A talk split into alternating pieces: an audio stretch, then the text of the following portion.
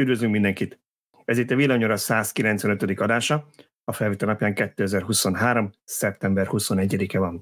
Szokásos hármasban vagyunk itt veletek, Antolci Tibor a főszerkesztőnk. Szia Tibor! Sziasztok! Szűcs Gábor, azaz Szöcske. Szia Gábor! Sziasztok!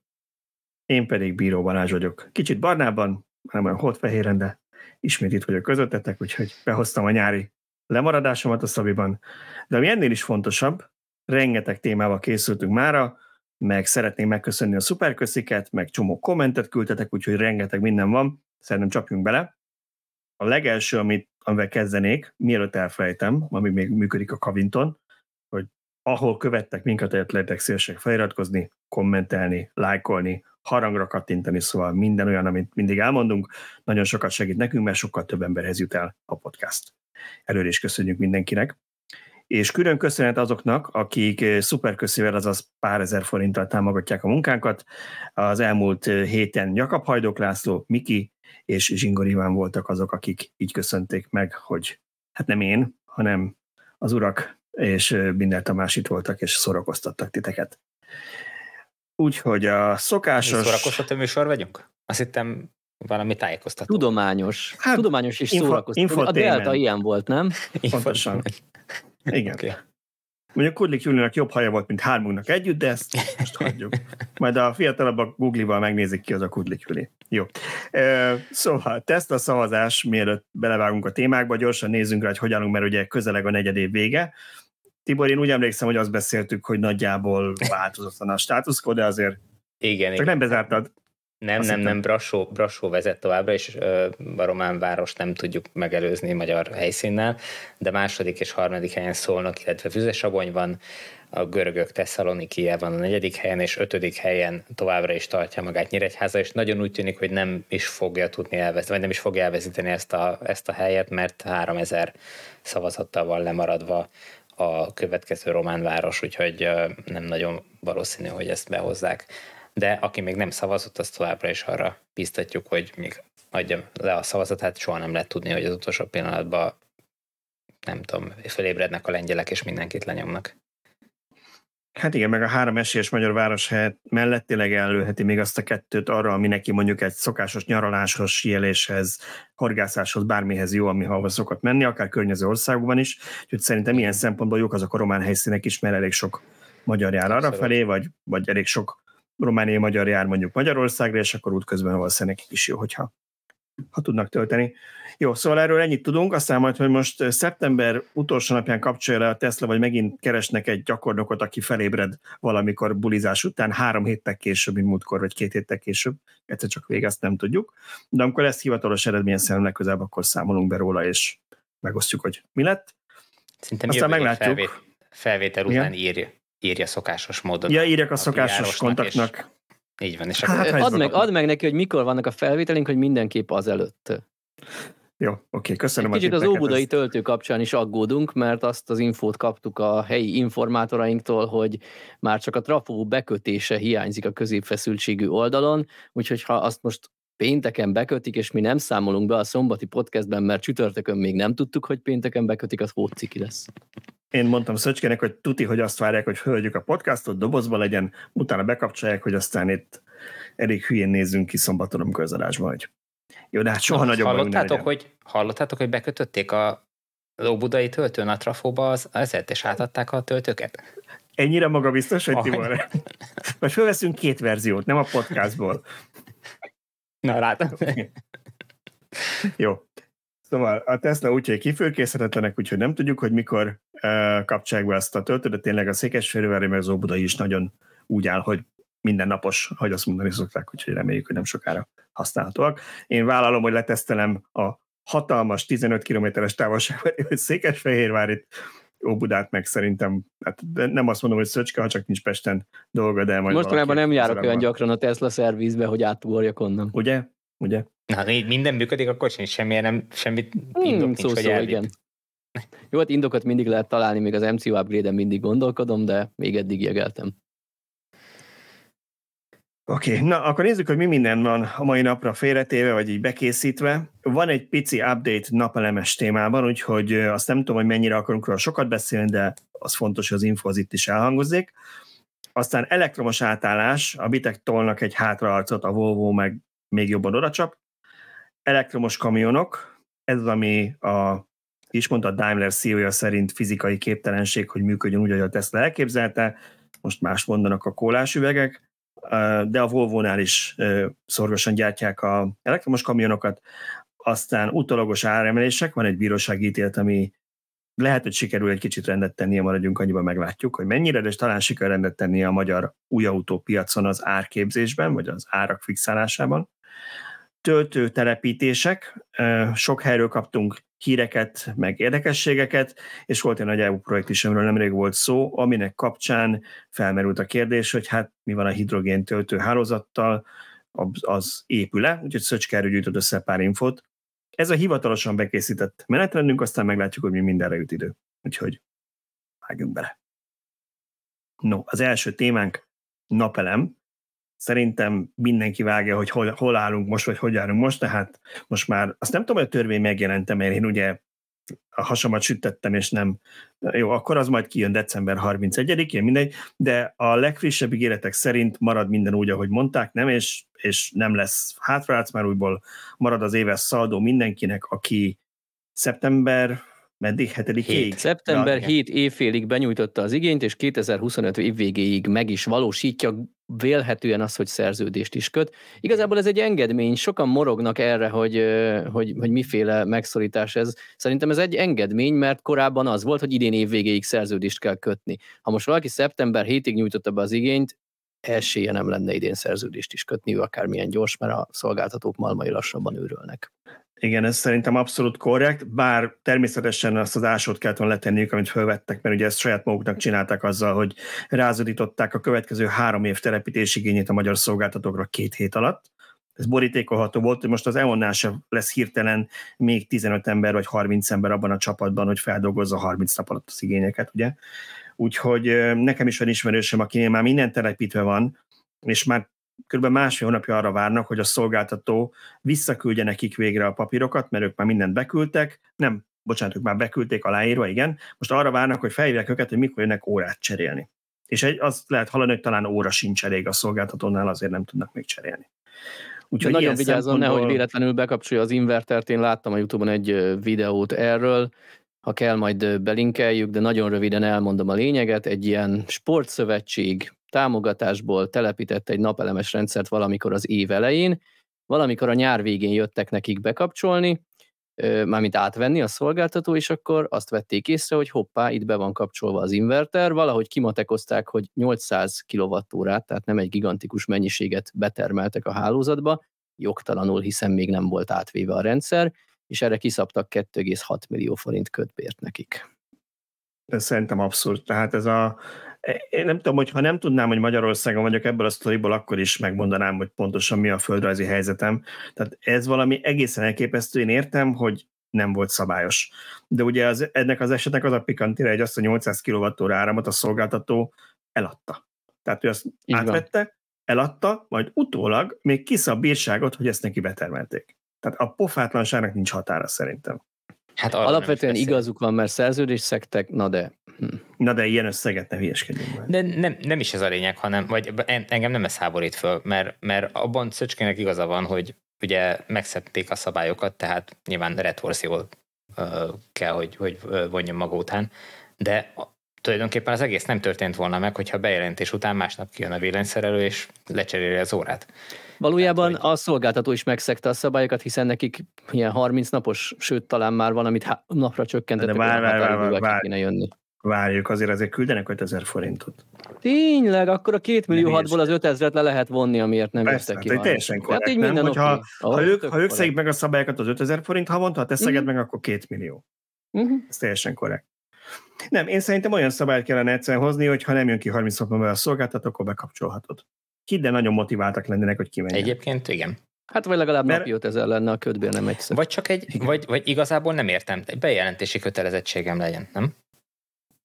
Ez meg a hát másik. Hát nem, mert nekik meg kell nézni, hogy minden frankó -e. Nálam még a sorozatszámát is lefotózták az inverternek. Amúgy, nehogy jöjjön, jöjjön be, és Nálam jöjj, rossz, amikor rosszkor hívtad őket. Mert nálam, nálam ö, ebéd előtt voltak öt percek körülbelül, és nagyon siettek. Mindent lefotóztak, mindent megcsináltak, de abszolút nem kukacoskodtak, hanem mondták, hogy délig jönnek, 11.55 jöttek, és elég sietősen távoztak, de szóval azért, hogy a viccelést csak úgy félig félretegyük, én értem, hogy el vannak kuszva szolgáltatók, de ugye ez megint egy tipikusan olyan kérdés, amikor az embernek oda megy az agya, hogy hogy lehetne ezt gyorsítani, hogy mit kellene jobban csinálni ebben, hogy mit, hogy lehetne megoldani, és aztán rájössz, hogy basszus, rossz kérdéseket teszek fel, mert eleve miért kell ezt? Tehát egy jóváhagyott műszaki engedély alapján, ugye a telepítő cég az beküld egy komplett tervet. Ezért kell várni, ezért vannak ennek költségei. Megcsinálják a műszaki tervet, beküldik, jóvá hagyják. Én értem, hogy persze azt meg kell nézni, hogy azt építették-e meg, Na de meg kellene nézni, hogy hány olyan eset volt mondjuk az elmúlt tíz évben a szolgáltatónál, amikor eltérés volt a műszaki tervtől. És ha azt látjuk, mondjuk ez egy százalék, akkor azt kell mondani, hogy jó, akkor úgy vélelmezzük, hogy minden megfelelően meg, és hogyha nem, és utólag ez kiderül, vagy valami probléma van vele, akkor viszont annak a cégnek kiszámlázzák a költséget, aki szabálytalanul telepítette, vagy nyilván aki ezért felelt. Tehát ahelyett, hogy egy komplett bürokráciát építünk erre rá, és komplikáljuk, és kijönnek, hogy csinálnak egy fotót, és jóvá hagyják, hogy igen, az épült meg, mert nálam is lefotózták a villanyórát, meg a inverternek a sorozatszámát, és ennyi. Na most ezért, mert értem, amikor órát kell tenni, az órát kell cserélni, az egy más dolog. De ha erre nincsen szükség, akkor ez egy teljesen felesleges hülyeség, nem? De, de kérdem én, hogy az óracserét azt miért nem lehet akkor megoldani, amikor uh, már megkaptam az engedélyt? Tudják, hogy föl fogom szerelni azt a, hát például. azt a Én elindulhatna a folyamat onnan. Azzal párhuzamosan Persze. mehetne dolog. Miért kell ezt egymás után rakni ezeket a lépéseket? Igen. Miért kell megvárniuk, amíg telepítik, nem a napelemet? Azt, hogy nyugodtan fölrakhatnak. Jó, igazából ez bár... nem sok mindent, nem sokat tol a dolgom, mert valószínűleg a napelem telepítés az napokat vesz igénybe, ha, ha te előre bent vagy egy ö, cégnél, onnantól, hogy minden papír, tehát a tervet elfogadták, onnantól szerintem a cégek néhány nap alatt feldobálják a napelemeket, tehát valójában nem a cégekre kell várni, már mint a napelem telepítő cégekre. Jó, biztos előfordulhat a nagy bumban, hogy ott van egy kéthetes csúszás, de nem fél éves, amilyen, amennyit az óracserére várunk. De Tehát figyelj, igazából az az induljon el akkor, és utána nem annyival is előrébb vagyunk. Pontosan, pontosan. Igen. Jó, na, megint megoldottuk a világ egyik problémáját, de még nem jutottunk, igen, hogy... nem jutottunk, csak nekünk, nekünk kéne ezeket intézni, és már nem lenne semmi gond. De nem jutottunk oda, hogy elmondjam, Számlát majd a írok. hír. El ne felejtsük, írjak majd nekik, hogy okay. ezt is megoldok. Segítek hogy... a, a valamelyik kormányhivatalnak a címére küldve, megnézzük, mi lesz a reakció, aztán vagy nava ellenőrzést kapsz, hogy kifizetik ez a két opció. Szóval, hogy mi volt az apropója annak, hogy ezt előrángattuk megint, az az, hogy volt egy ilyen félelem, azt nem tudom, hogy valami infók szivárogtak, tesztelték megint csak a vizeket, vagy csak félelem volt, de volt egy ilyen félelem, hogy oké, okay, marad az éves szaldó, de azok, akik szaldóban vannak, az áram feltöltésük után, vagy vissza, a rendszerbe visszatáplásuk után egy korrekt a kifejezés, rendszer használati díjat kell majd fizessenek.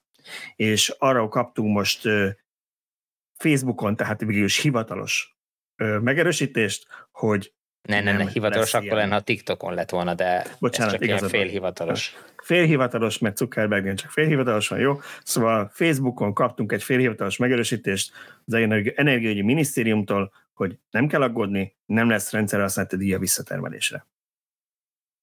Hurrá! És tovább jó, az egész, jó az egészre kaptunk. mi szükség volt? Nem, ez egyébként jogászkodás, most szerintem nagyon nem menjünk be a részletekbe, főleg azért, mert nincs itt Laci, akinek van hozzá végzettsége. De én Ilyenkor lehet, egy... mert nem szól bele, hogy nem értünk hozzá. olvastam az egyik fórumon egy olyat, hogy hogy az a baj, hogy mi átlagember, mérnök, matematikus, tehát egyéb, tehát mind, bármi egyéb, csak nem jogász fejjel olvassuk el ezt a törvényt, és a, a jogász, aki ezt írt, azt mondja, hogy tök megérti, hogy mi azt a következtetést vontuk le, de azt mondja, hogy a jogászoknál más az összege valaminek, mint, mint egy matematikusnál vagy műszaki embernél a két számot összeadni. Ő azt a példát hozta, hogy gondoljunk például arra, amikor eladsz egy lakást és veszel egy lakást, akkor ott illetékfizetési kötelezettséged van, és hát most nem tudom jól idézni a törvényt, de ott is valahogy hasonlóan fogalmaznak, hogy a, az összeg alapján kell fizetni, de valójában ott csak, hogyha drágább lakást veszel, mint eladtál. Tehát, hogyha ha olcsóbbat vettél, akkor hát ott adót kell fizetni, mindegy, de az az illetékre nem vonatkozik. Tehát ez valamilyen jogásznyelvű összeg, és valószínűleg ezt értette félre az összes újságíró, mert lehet, hogy aki napelemtelepítéssel foglalkozik már, mint akár újságíróként, ő, ő inkább műszaki ember, mint jogi végzettségű. De ez egy értelmezés volt egy fórumon egy jogásztól, aki azt mondta, hogy, hogy ez így rendben van ez a szövegezés, de csak a jogászok értik, és hát a közlöny ki másnak szólna, ha nem neki. Itt, ezekkel nekem az a legnagyobb problémám, hogy úgy van megfogalmazva, hogy lehet így is érteni, meg úgy is érteni. Miért nem lehet ezt egyértelműen leírni? Mert pont, pont ezért van rengeteg per, meg minden, mert, mert többféleképpen is lehet ezeket érteni. Az egyik így érti, másik úgy érti, nem lehet mindenki jogász, és nem lehet mindenki ugyanannak a jogász közösségnek a, a tagja. Tehát meg, meggyőződésem, hogy két jogász között is ö, találnánk ellentétet ugyanannak a szövegnek az elolvasásánál. Most nem biztos, hogy pont ennél igen, de, de, de más szövegeknél előfordulhat. Na ne panaszkodjunk Szerintem... már, örüljünk, hogy nem lesz RHD. Szöcske, mondd el még egyszer ezt a büntetéses sztorit, hogy a Tibor is tudja, hogy melyik országban él, jó? Hogy ne álmodozzon itt nekem, hogy több hónapon keresztül egyeztetett szöveg, amit mindenki ért. Hát, na mindegy. A sci az majd később jön, amikor a kínai töltökről beszélünk. Jó, szóval ez a jó hír, és szerintem volt egyébként még egy olyan jó hír, ami nem tudom, hogy a Gábor, a te ö, cikkedben benne volt-e, de szerintem igen, mert valószínűleg nálad olvastam, hogy, hogy majd lehet, hogy csak a chatbe írtad, hogy most annyira átlendült az inga a másik irányba, hogy még azok a százszázalékos állami támogatásból épített napelem rendszerek is megkapják tíz évre a szaldót, akiknek egyébként a szerződésükben az volt, eleve, hogy ők alapból bruttósak lesznek, nem lesznek szaldosak, ez volt egyik kikötése ennek a százszázalékos támogatásnak. Ez még nem egészen biztos, a kormány ezt szeretné, ezért az Energiaügyi Minisztérium tárgyalásokat kezdeményezett Brüsszellel, hogy hagy legyenek már ők is szaldósok, szépen megkérjük őket, de lehet, hogy gonosz Brüsszel visszadobja, és azt mondják, hogy ők nem lehetnek. Pedig okay, jó. nagyon akartuk. Jó, hát úgy látom, De ezen kívül még egy, még egy apróság, egy projekt is elindult nálunk. Igen. Még egy értelmezési apróságot is bedobtak. Ugye gyakran a kormány azt használta, hogy a napelemes családok ezt a kifejezést, uh-huh. és, és itt pontosították, hogy igazából ez az éves szaldó minden háztartási méretű kiserőműre lehetőség marad, és ugye ez minden 50 kW alatti napelemes rendszer HMKE, függetlenül attól, hogy magánszemély, tehát egy család tulajdonában van, vagy vállalkozás, vagy nem tudom, közintézmény, tehát ha a polgármesteri hivatalon van napelem, az is lehet éves szaldó, nem csak akkor, hogyha az otthoni család birtokában lévő gyerek Én kösz... Igen, ezt akartam, köszönöm szépen, mert meg annak azt hogy a nevenbe veszem a kutyát, hogy biztosan beleférek ebbe a kategóriába, de akkor, akkor nem. Nem, megnyugtattak. Oké, okay. na, akkor lépjünk át az első autós témánkra, ami e, lehet, hogy kicsit randomnak tűnik, mert ugye ezeket az eladási adatokat, meg hogy hogy áll az elektromos átállás általában negyed évente, fél évente, vagy évente szoktuk közölni, de e, most majd Szöcske nagyon nem tárt más témát, az A verzió, vagy nem gonoszkodok. E, azért, szerintem azért írtad meg most, hogy hogy áll ez a történet Európában, mert most először fordult el, én úgy olvastam a, az eredeti közleményt, hogy Európában átlépte a 20%-ot az új elektromos, hát, az eladásokban az elektromos autók aránya. Ha, ha az én indokom kell, akkor azért, mert az MTI kiküldte. Okay. Igen, fölmentem, fölmentem ennél jobb indok kell. Fölmentem Szöcskét, mert én küldtem át neki, hogy jött az MTI közlemény, és ebből szerintem mindenki fog írni egy hírt, és ne mi legyünk azok, akik nem írják meg.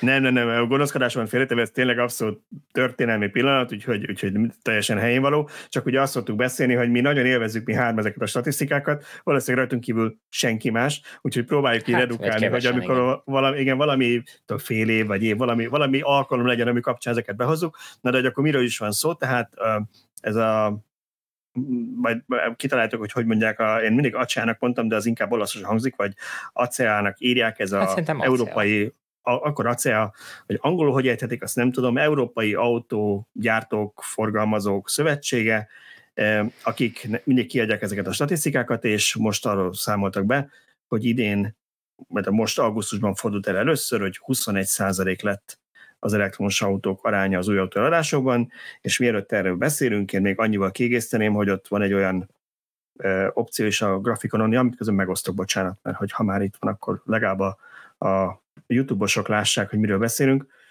Szóval, hogy ahol van egyébként egy olyan opció is, most az eredeti grafikont látjátok, amiről Szöcske de van olyan is, hogy hozzá lehet adni még az Egyesült Királyságot, meg az EFTA országokat, ez a Izland, Norvégia, valami még van ott, Luxemburg, valami. Lényeg az, hogy amiket én hozzá szoktam adni, mert úgy teljes a kép, és akkor is ez 21,7%-ra emelkedik, ha azt választott ki ott a legördülőben, tehát akármilyen bontásban nézett, tényleg átléptük a 20%-ot. És tudjátok, mit szeretek még ebben a grafikonban, amit cikkünkben nem is szerepelt, mert az MT nem emeltek, én meg csak utólag néztem meg, hogy a plugin hibrideket nem mosták össze semmivel, sem a sima hibridekkel, sem a tisztán elektromos, akus elektromosokkal.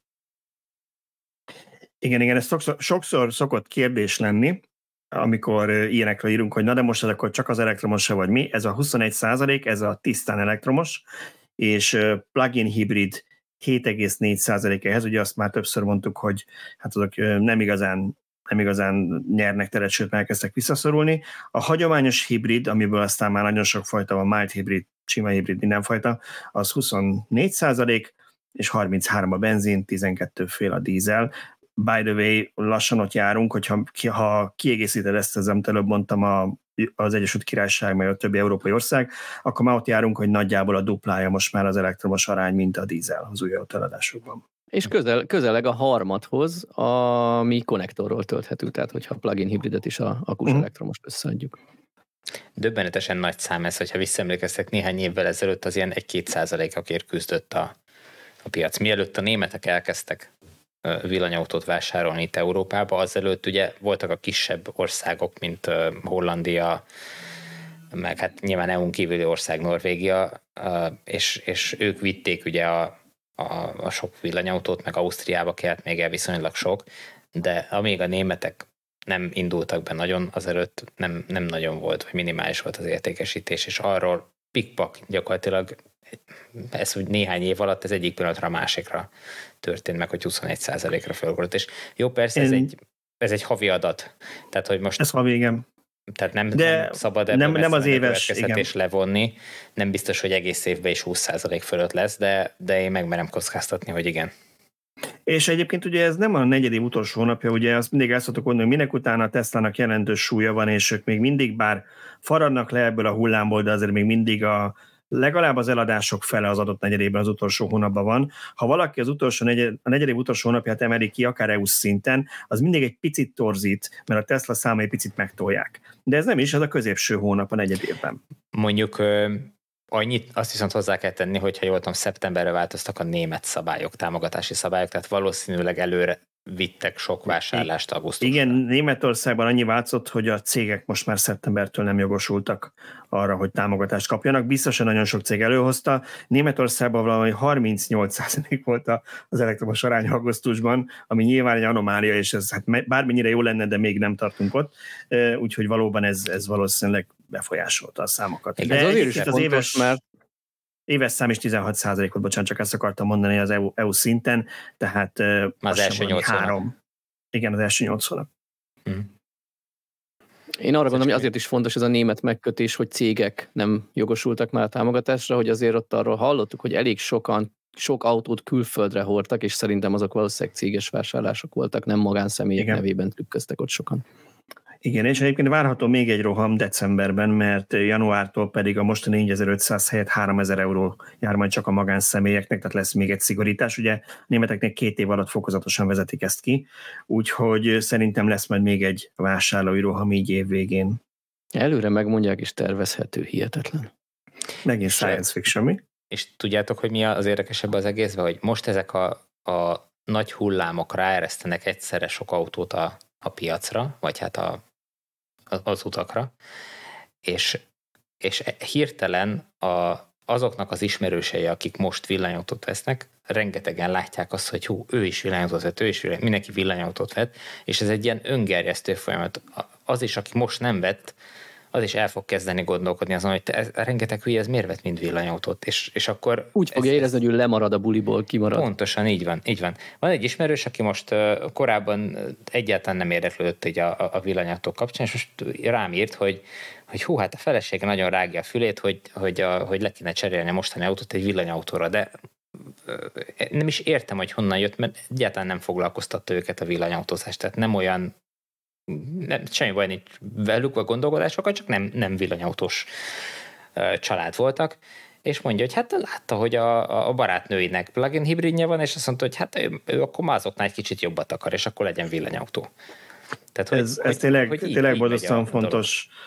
Én is múltkor valakivel erről beszélgettem, hogy ugye hát ugye mi próbáljuk itt a térítő munkát végezni, több-kevesebb sikerrel, na de hát, hogy a Facebookon nem bírjuk felvenni a versenyt, mert ott mindenkinek van ebből egy diplomá megerő véleménye, és legtöbbször embereknek, akik nem használtak még elektromos autót, mert ugye mi is el szoktuk mondani csomószor az, azokat a dolgokat, amikor még javítani kell, meg hogy nem tökéletes, bla bla bla, de mindig elfelejtjük, vagy, vagy nem tudom, úgy teszünk, mintha elfelejtenénk, hogy vannak ezek a közgazdasági alapvetések.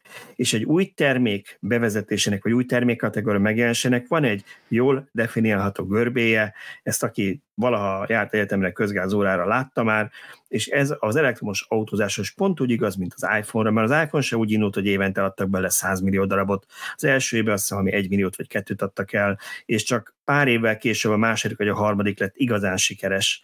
Tehát, hogy semmi, semmi az új technológia nem úgy indul, hogy azonnal mindenki vesz bele, pláne egy ilyen nagyértékű dolognál, mint egy autó milliószámra, viszont amikor azt kezded látni, hogy a szomszéd, a kolléga, a barátod, tehát nem az, akinek egy szélzes a tévében, és meg akar téged győzni, hanem az ismerősöd, ilyet használ. És csak hogy megkérdezed vacsoránál vagy sörözés közben, hogy egyébként tényleg ezt a, megvetted ezt a szart, és most Balaton felé kétszer meg kell állnotok egy órára tölteni, és hülyének néz, hogy miről beszélsz, mert 400 km-t nem megy az autója, akkor fogsz elkezdeni gondolkodni. Igen. Igen, és ez, és ez abszolút működik, és olyan piacokon, ahol már 21 meg 38 százalékos arányt képviselnek az új autóértékesítésben ezek a járművek, ott ez, ez fokozottan igaz lesz. És ott pillanatok alatt, ha még nincsenek, ott föl fognak érni az S-görbének abba a szárába, ahol, ahol egyik pillanatra a másikra fog megugrani a, az igény az elektromos autókra. És mit Akkor is, ha nem kötelező? Tessék? Akkor is, ha nem kötelező, mint Nagy-Britanniában? Igen, igen, igen, igen. A, mit kavarnak most a britek? Én ezt, bár kitettem, elolvastam, kitettem a, a hírt, de be kell valljam, most derült, hogy nem értettem, amit írtam. De nem azt mondta, hogy jó, tegyük, tegyük ki, ne kötözködjük, késő van minden, majd valamit csak körülbelül, csak, körülbelül teljesen hülye. Jó, hát akkor összefoglalom. Már csak azért is, mert ebben a brit hírünkben, amikor ezt megírtuk, vagy megírtam és kiraktad, akkor még ez csak ilyen plegyka volt, hogy most szándékos vagy véletlen széveraktatás volt a briteknél, hát azt nem tudom, de az utóbbi se kizárt, viszont most már a felvétel előtt pár perccel láttam a BBC-n, hogy hivatalosan is bejelentette a brit miniszterelnök.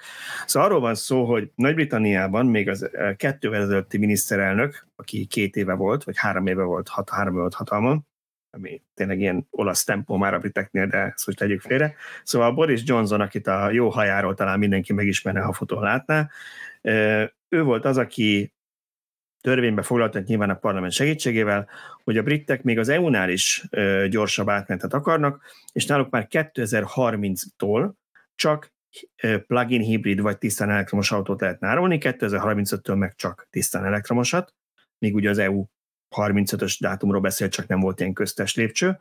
És egyébként több más lépés is volt, nem csak az autókról volt itt szó, hanem volt a gázzal működő vízmelegítőkről és fűtőberendezésektől, amiket 35-től teljesen be akartak tiltani, tehát magyarul nem kellett volna kiszerelni a lakásodból, de hogyha tönkre megy, akkor már hőszivattyút kellett volna helyette telepítened.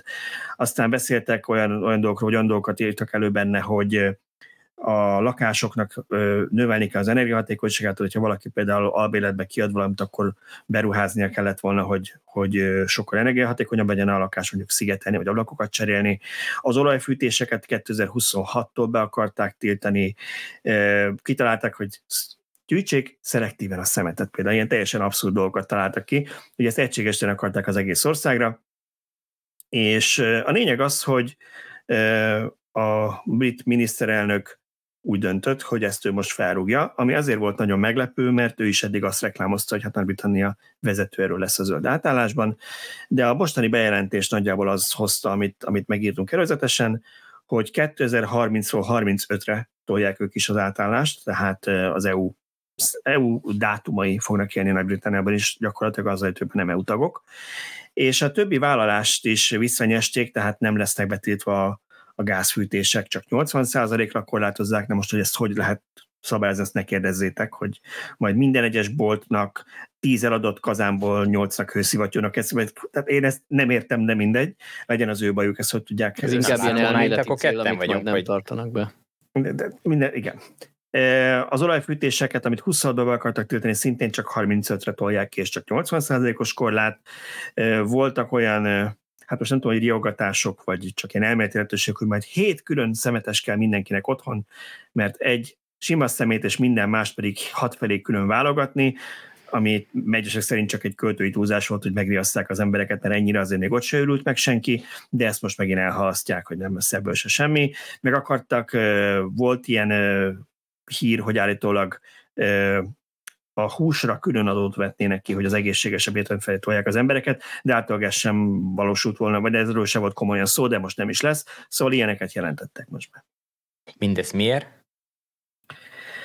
Hát a miért az egy nagyon jó kérdés. Ugye én brit kommentekből dolgoztam, hogy mégis aki ott él, mi a véleménye, meg újságcikkeknek néztem utána, és nagyjából az volt így a, a vélemény, hogy hát a miniszterelnök finoman fogalmazva is nem népszerű, ha most lennék a választások, akkor nagyon csúnyán megvernék. É, hát ugye most a briteknél már Magyarországon is volt ilyen, ugye a parlamenti demokrácia, tehát nem Amerikáról beszélünk, ami azt jelenti, hogy nem miniszterelnökre szavaznak ők se, vagy mi se, hanem pártokra szavazunk, és a pártok a parlamentben megválasztják ki a miniszterelnök, ami ad abszolút olyat is eredményezhet, hogy leváltják a miniszterelnököt, a párt marad, kijelöl egy másik miniszterelnököt. Na most Rishi Sunak most már a harmadik miniszterelnök, akit így kijelölt a konzervatív párt, és hát a britek nem élvezik ezt annyira, hogy nem ők választották meg közvetlenül, úgyhogy nem túl népszerű, és állítólag arra próbál játszani, hogy olyan szerepben tetszenek most, hogy megvédi a fogyasztókat ezektől a nagyon drága, költséges és felesleges szabályoktól, és mint a védelmezőjük és megmentőjük, majd akkor népszerű lesz. Számra az volt furcsa, hogy, hogy írtuk a, vagy írtad a hírbe, hogy, hogy akik most ez ellen szólalnak fel, a mostani változás ellen, azok mondják, hogy hát, hogy ez összezavarja tehát a, a, az embereket, meg, meg lassítja a fejlődést, meg és, és tökre igazuk van. Tehát, hogy ez így tetszik, hogy vannak olyan hangok, akik ezt az oldalát is és ugye nagyon sokan a párton belül, tehát nem a miniszterelnök ellenzékről beszélünk, hanem a saját pártján belül Igen. voltak, akik ezt támadták, illetve a, az SMMT, akit talán az oldalunkat nagyon, a statisztikákat nagyon bogarászok már így rövidítésként láthattak, ők a briteknél az automobil gyártók és forgalmazók szövetsége, akiknek én azért ismerem csak a weboldalokat, mert ott szoktam minden hónapban nézegetni az eladási adatokat, és ők is kihoztak azonnal még tegnap, vagy tegnap előtt, tegnap szerintem egy közleményt még mielőtt a hivatalos bejelentés megtörtént, amiben ugyanazt mondták, mint amit egyébként a Ford mondott, és valamilyen szinten a BMW meg a Jaguar Land Rover is kiadott, hogy szeretnének tisztán látni, mert ami Tibor is mondta, ezzel az a probléma, hogy így a fogyasztó már tényleg nem tudja, hogy mi lesz most, akkor mit vegyen, mit ne, ne vegyen. A cégek sem tudják, hogy mire költsenek beruházásra, mire ne. Hát azért az, hogy mondjuk Nagy-Britanniában nem fognak belsőgős motoros autót, itt engedjük meg most a plug-in hibrideket, hogy nem az a kategória, 30-tól árulni, az azt jelenti, hogy már most mi is a elmúlt hónapokban írtunk pár márkára, aki már most bejelentette, hogy sokkal korábban, talán Renault volt az egyik első, amely kivezeti már a hagyományos autókat, meg kevés, hogy náluk Nagy-Britanniában. Szóval a lényeg az, hogy az autógyártók előre kell tervezni, és így nem tudnak.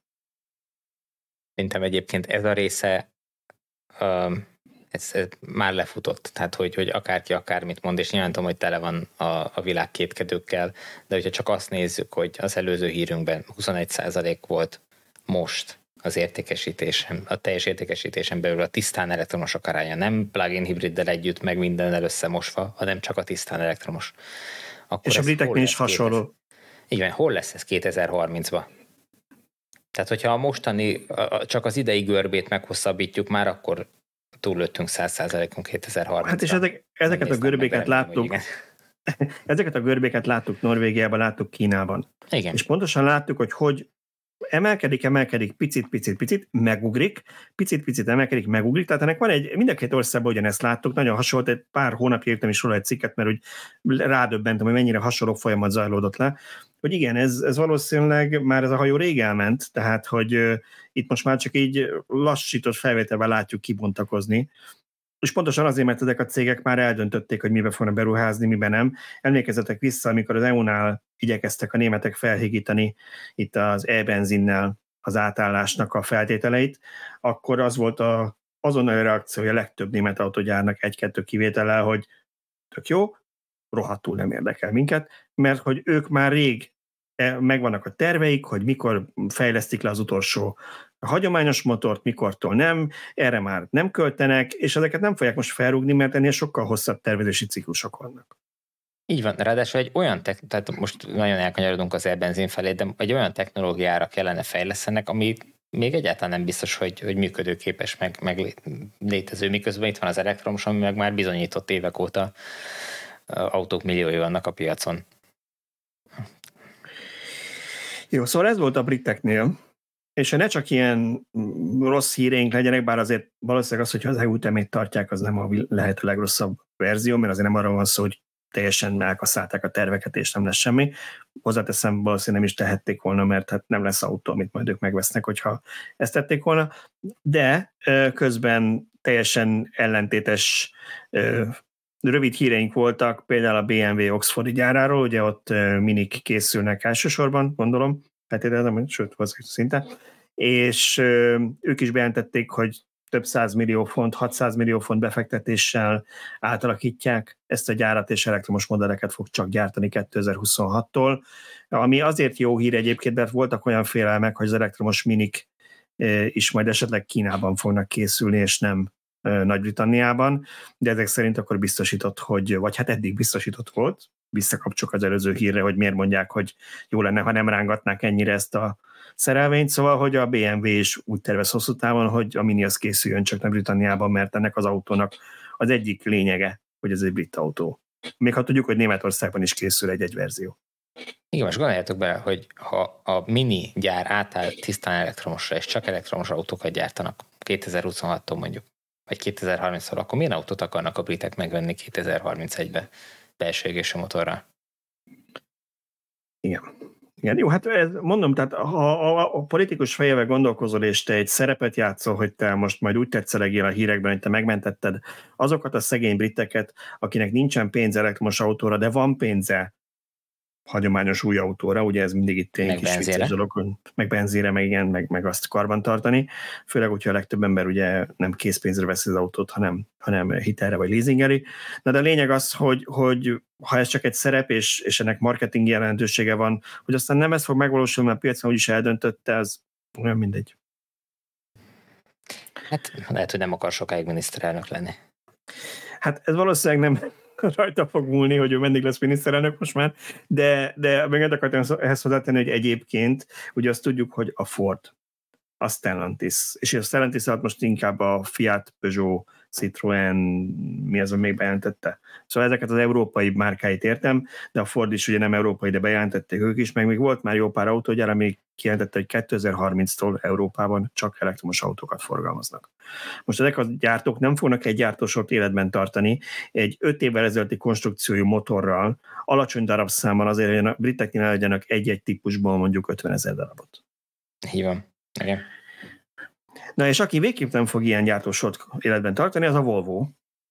Hogy végre olyan hír legyen, amihez a YouTube-osoknak ki tudok tenni egy darab fantasztikus illusztrációt, egy dízel Volvo-nak a segét. Ez egy XC90D5, csak azért, hogy aki nem látja, az el tudja képzelni.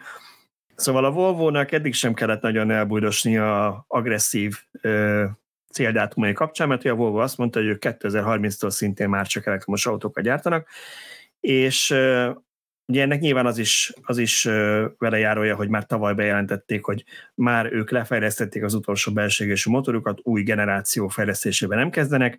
Tavaly eladták azt a, azt a céget is, amelyik ezt a munkát nekik végezte, és most azt jelentették be, hogy egy New Yorki klímakonferencián, hogy én ezt úgy folytam magamnak, hogy gyakorlatilag felvették az utolsó rendelést a dízel autóikra, mert hogy jövő év elején gyártják le az utolsó dízel Volvo-t, és utána ilyen már nem lesz a kínálatban. Ez azért döbbenetes. De minek gyártják? Úgy... Már most 12 alatt van az dízelek eladása az EU-ban. Jó, de hogy hát gondolom van egy pár ezelőtt... megrendelés, azt még ki akarják elégíteni, aztán ennyi, nyilván. De hogy néhány évvel ezelőtt még ugye Európában a többségben volt a dízel és szerintem hát, a Volvo-nál is. Pontosan, igen, ezt mondta egyébként a volvo is a vezetője ezen a konferencián, hogy pár évvel ezelőtt még ő is így fogalmazott, a mi eladásainkban is a többsége a dízel volt a nagyobb arány, most pedig ott tartunk, hogy kivezetjük. Igen. A dízel egyébként tényleg nagyon brutálisan esett vissza egész Európában, tehát tényleg 50 plusz százalékról most már 10 százalék környékére. Úgyhogy ez a, ez a volvo hírünk. Kiörömködtétek magatokat? csak így, így szőrmentén kapcsolódik, hogy szerintem a, a szerkesztőségi chatbe dobtam be valamit, nem tudom, valahol olvastam, már nincs meg az egész, hogy, hogy dízel hiány van több helyen, ugye? Emlékeztek, hogy, uh-huh. hogy, hogy ezt bedobtam, és hogy, hogy nagyon sokszor ugye azt, azt halljuk sokaktól, hogy hát a, a olajfinomításnak, olajfinomítás során keletkezik benzin is, meg dízelés, és hogy hát a dízellel kezdeni kell valamit, emiatt nem lehet kidobni a dízeleket, és hogy az, az továbbra is ott lesz. De hát nagyon úgy tűnik, hogy nem. A, a finomítók mindig abba az irányba mennek el, ami, amit jobban el tudnak adni, és, és most úgy tűnik, hogy egyéb üzemanyagokat, vagy egy, egyéb olajtermékeket sokkal jobban el tudnak adni, mint dízelt, úgyhogy nem mindegyik olajfinomító uh, gyárt olyan mennyiségben dízelt, mint amilyenbe kellene. Mi lesz a kamionokkal? Azokat is át kell állítani? Hát nem ártana. Szöcske nagyon türelmetlen. Ugye ő már, ő már a Tesla szeméről akar beszélni, és most se, szeretném itt finoman megjegyezni, hogy nem én hoztam be a Teslás témát, jó, nem is én írtam meg a cikket, de azért gondoltam, hogy beszéljünk róla ezen a héten, ezen a szép szombati napon, amikor hallgatjátok a szombaton, mert mert ugye amikor a Tesla bejelentette ezt a kamiont, nagyon sok kétkedő volt, annak kapcsán, hogy hát majd ez mennyire lesz életképes, és az volt a nagyon vicces, hogy amikor már elkezdték gyártani, ugye most még kis darabszámban készül, és csak egy pár fontos ügyfél kapja meg, köztük a Pepsi, akkor rögtön az volt mindenkinek a vélemény, hogy persze, mert van az a kettő kamion, amit láttak, ami Cheetos mindázatra lehet festve, és azok csak chipset szállítanak, és a chips az sokkal könnyebb. Hát így könnyű tartani azokat a számokat, amiről eddig azt mondtuk, hogy úgy sem lesz meg. Jó, most meg lett, de csak azért lett meg, mert chipset szállítanak. És most volt Amerikában egy független mérés valami akció, rendezvény, nem tudom, Szöcske elmondta minek kapcsán, ahol mindig az derült ki, igen.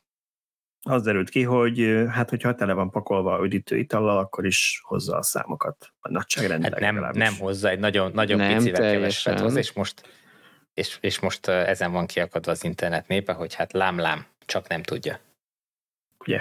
Így van, olyan számokat hozott, illetve akkor először erről a projektről egy független szervezet, akinek nem mondom ki a nevét, mert túl hosszú, olvass el, akit érdekel, szeptember 11 és 28 között elindított egy tesztsorozatot, ahol Egyébként nem csak a Pepsi három elektromos kamionját, hanem, hanem egyéb telephelyeken használt elektromos teherautókat a furgon mérettől kezdve a kamionokig, BioID is van közte meg, hát most nem sorolom fel.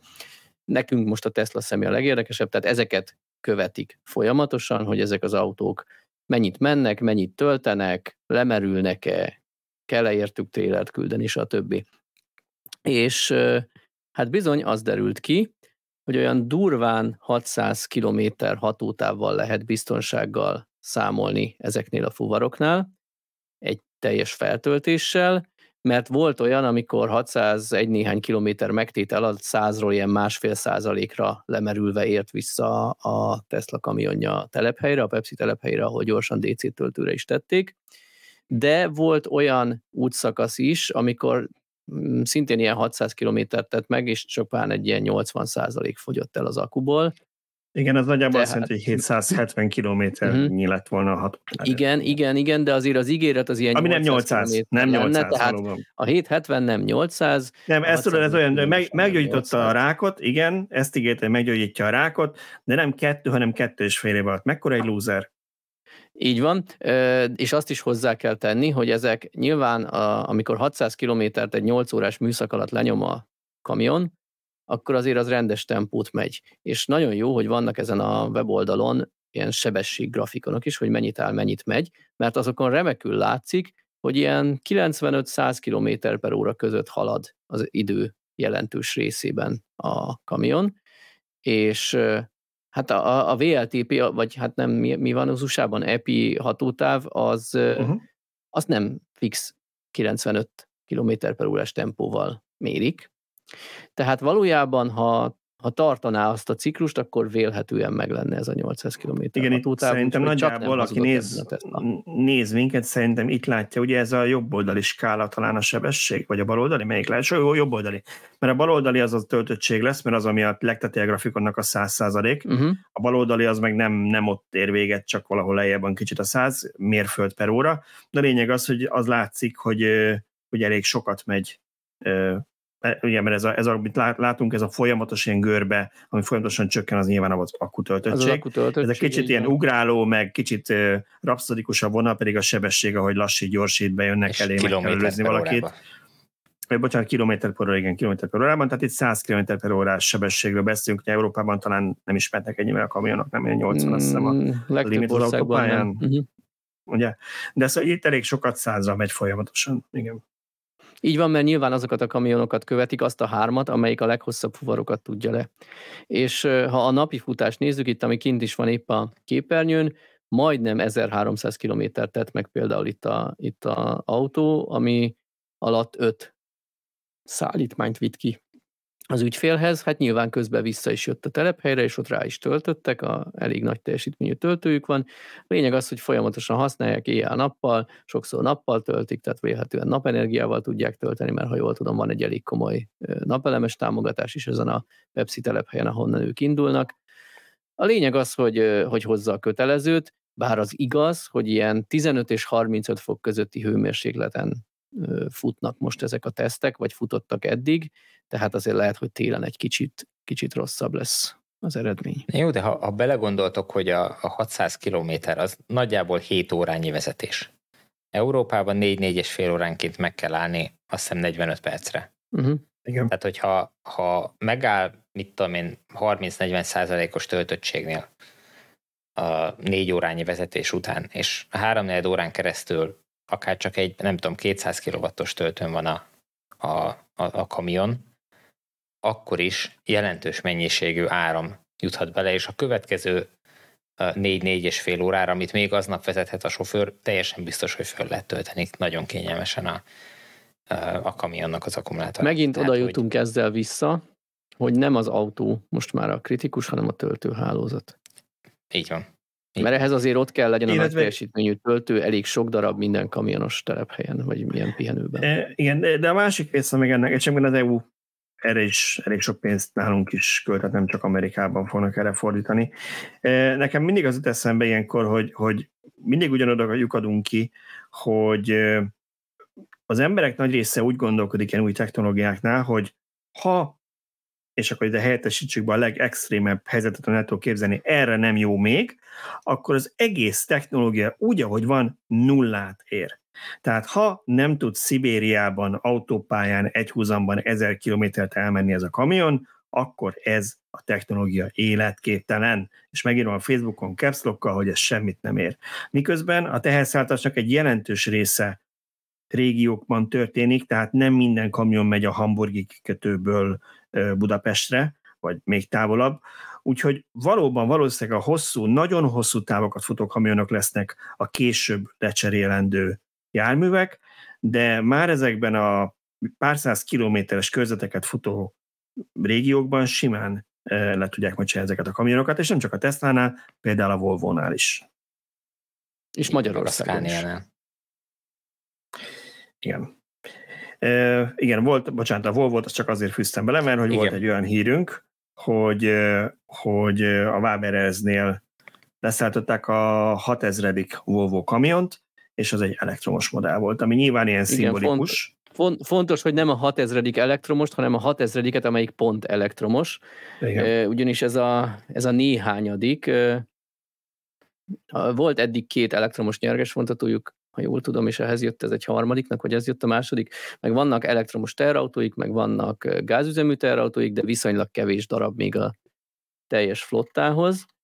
De azt például már arról itt megállapodtak ezen az ünnepélyes átadáson, hogy 2025-ig még 25 tisztán elektromos vontató érkezik a Waberers flottájába a Volvo-tól, ami még mindig nem lesz egy hatalmas rész, de, de látszik, hogy a jelenlegi kettőnek a tízszeresét még leszállítják nem egész két év alatt. Tehát így, azért az így nem van, és, szerintem. És azt az S görbét, amiről Balázs beszélt, helyettesítsük itt is be. Tehát, hogy, hogy itt is az elején nagyon pici számokkal indul. Nyilván a cégnek tapasztalatot kell szereznie az egész a Volvo-nak is tapasztalatot kell szerezni a karbantartásokkal. Tehát ez, ez mindig minden uh, ilyen új technológia bevezetésénél így indul, hogy pici mennyiségekkel próbálkoznak, tesztelnek, és utána egyik pillanatra a másikra fog megúrani, amikor azt látják, hogy a 25 kamion 2027-ben uh, szuperül teljesít, akkor, akkor fogják és berendelik a, a flottának azt arra a részére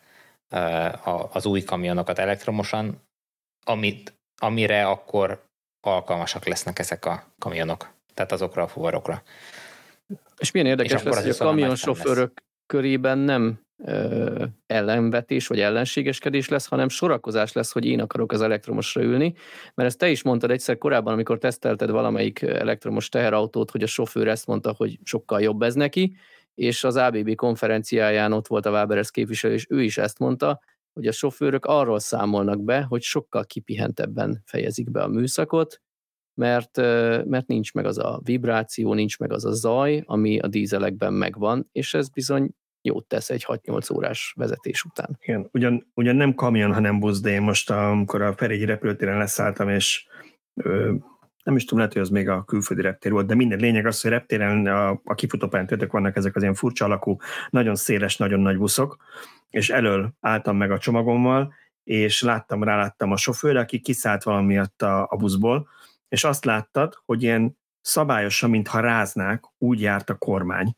Csak attól az alapjáraton ment a dízelmotor, és így remegett minden elől is, úgyhogy az, pont az jutott eszembe, hogy azért ennek a szerencsétlen embernek, mert nyilván amikor, amikor gáztad és a fordulatszám magasabb, akkor már nem ráz így, de hogy mégis egy ilyen munkakörnyezetben kell dolgozni egész nap, hát azért nem, nem irigylem, mert biztos, hogy nem egy túl ö, jó és hosszú távú történet. Úgyhogy ez is biztos szempont, hogy a, hogy a sofőrök hogyan fogják ezt ö, fogadni. Hát és pont, pont azok a buszok azok, amiket bármikor le lehetne most már cserélni. Annyira kevés kilométert futnak ott a kifutópálya, meg a, Persze meg az épület között, hogy, hogy akármelyik busz képes lenne ezt teljesíteni. Csak el kéne kezdeni cserélni őket. Egyébként én a, én a teherszállításban már csak azért is várok majd, amiről Tibor is beszélt, egy ilyen rohamosabb átállást, mert most még szerintem a szűk keresztmetszet nyilván a töltőinfrastruktúra is, bár ha egy telephelyekre gondolkodunk, és a Pepsi is egyelőre ezt csinálja, hogy a telephelyen tölt a kamion, meg azt is beszéltük, hogy ugye azért ezeknek viszonylag fix útvonaluk van, tehát nem arról van szó, hogy egy személyautónál egy autógyártónak vagy egy töltőhálózatnak egész Európát azonnal le kell fednie, mert az a szerencsétlen egy darab user, aki megvette az autót, bárhova mehet bármikor, hanem azért lehet tudni, nagyjából ezek a kamionok adott cégnél merre fognak járni. De ha ezt félretesszük, hogy vannak ilyen, ilyen szűk keresztmetszetek még, ugye alapvetően egy elektromos járműnél minél többet használod, annál jobb, hamarabb megtérül, és annál hamarabb kijönnek az erőnyei. De most gondoltok bele egy kamionnál. Fogalmam nincs, és remélem, hogy kommentekben majd van kamionsofőr, aki megírja nekünk, aki ilyen helyen dolgozott, hogy milyen időközönként kell mondjuk fékbetétet cserélni, motorolajat cserélni. Tehát milyen olyan karbantartási költségek vannak AdBlue-t hozzáadni, ami, ami az elektromosnál egyszerűen megszűnik. És mennyivel többször tudnak majd ezek a kamionok működni, és nem kell, nem kell karbantartáson állniuk, vagy, vagy szervizben állniuk, hogyha az egyszerű elektromos hajtásuk miatt nincsenek ilyen kötelező boxkiállásuk. Tehát ez mind nagyon komoly euró ezrek, ha is felszól a százrek és milliók egy szállítmányozó cégnek, amivel az autó többet tud futni, amivel kevesebbe kell a fenntartása, és akkor még arra nem beszéltünk, hogy azért valószínűleg, hogyha telepítenek megfelelő minőségű napelemet, és a telephelyen töltik, akkor ha ezt elosztják mondjuk x évre, akkor is olcsóbb az üzemeltetése, mint ha dízelolajat vennének. Abszolút. Úgyhogy ez, ez, ez megint csak gazdasági kérdés lesz, és sokkal inkább gazdasági kérdés lesz egy fuvarozó cégnél, mint egy magánszemélynél otthon. Rendkívül éles témaváltás következik. De egy hazai de hír... Ha ezt nem, de ha ezt nem mondtad volna, észre se vettük volna, csak úgy simán átsiklottunk volna. Szerint nem, nem, ezt itt mindenki kapaszkodott volna és sikított volna, hogy csatornát váltott véletlenül. Nem, ez, ez nagyon éres forduló, és egy tegnap megjelent cikkünk, és nem azért gondoltam, hogy beemelem ide, mert hogy én írtam meg, nem is nálunk jelent meg először. Én valamelyik magyar általános hírportán olvastam, aztán megkerestem az eredeti közleményt, de szerintem mindenképpen egy, mint autózással foglalkozó oldal, így nálunk is fontos, hogy erről egy picit beszéljünk. Született egy bírósági ítélet Magyarországon.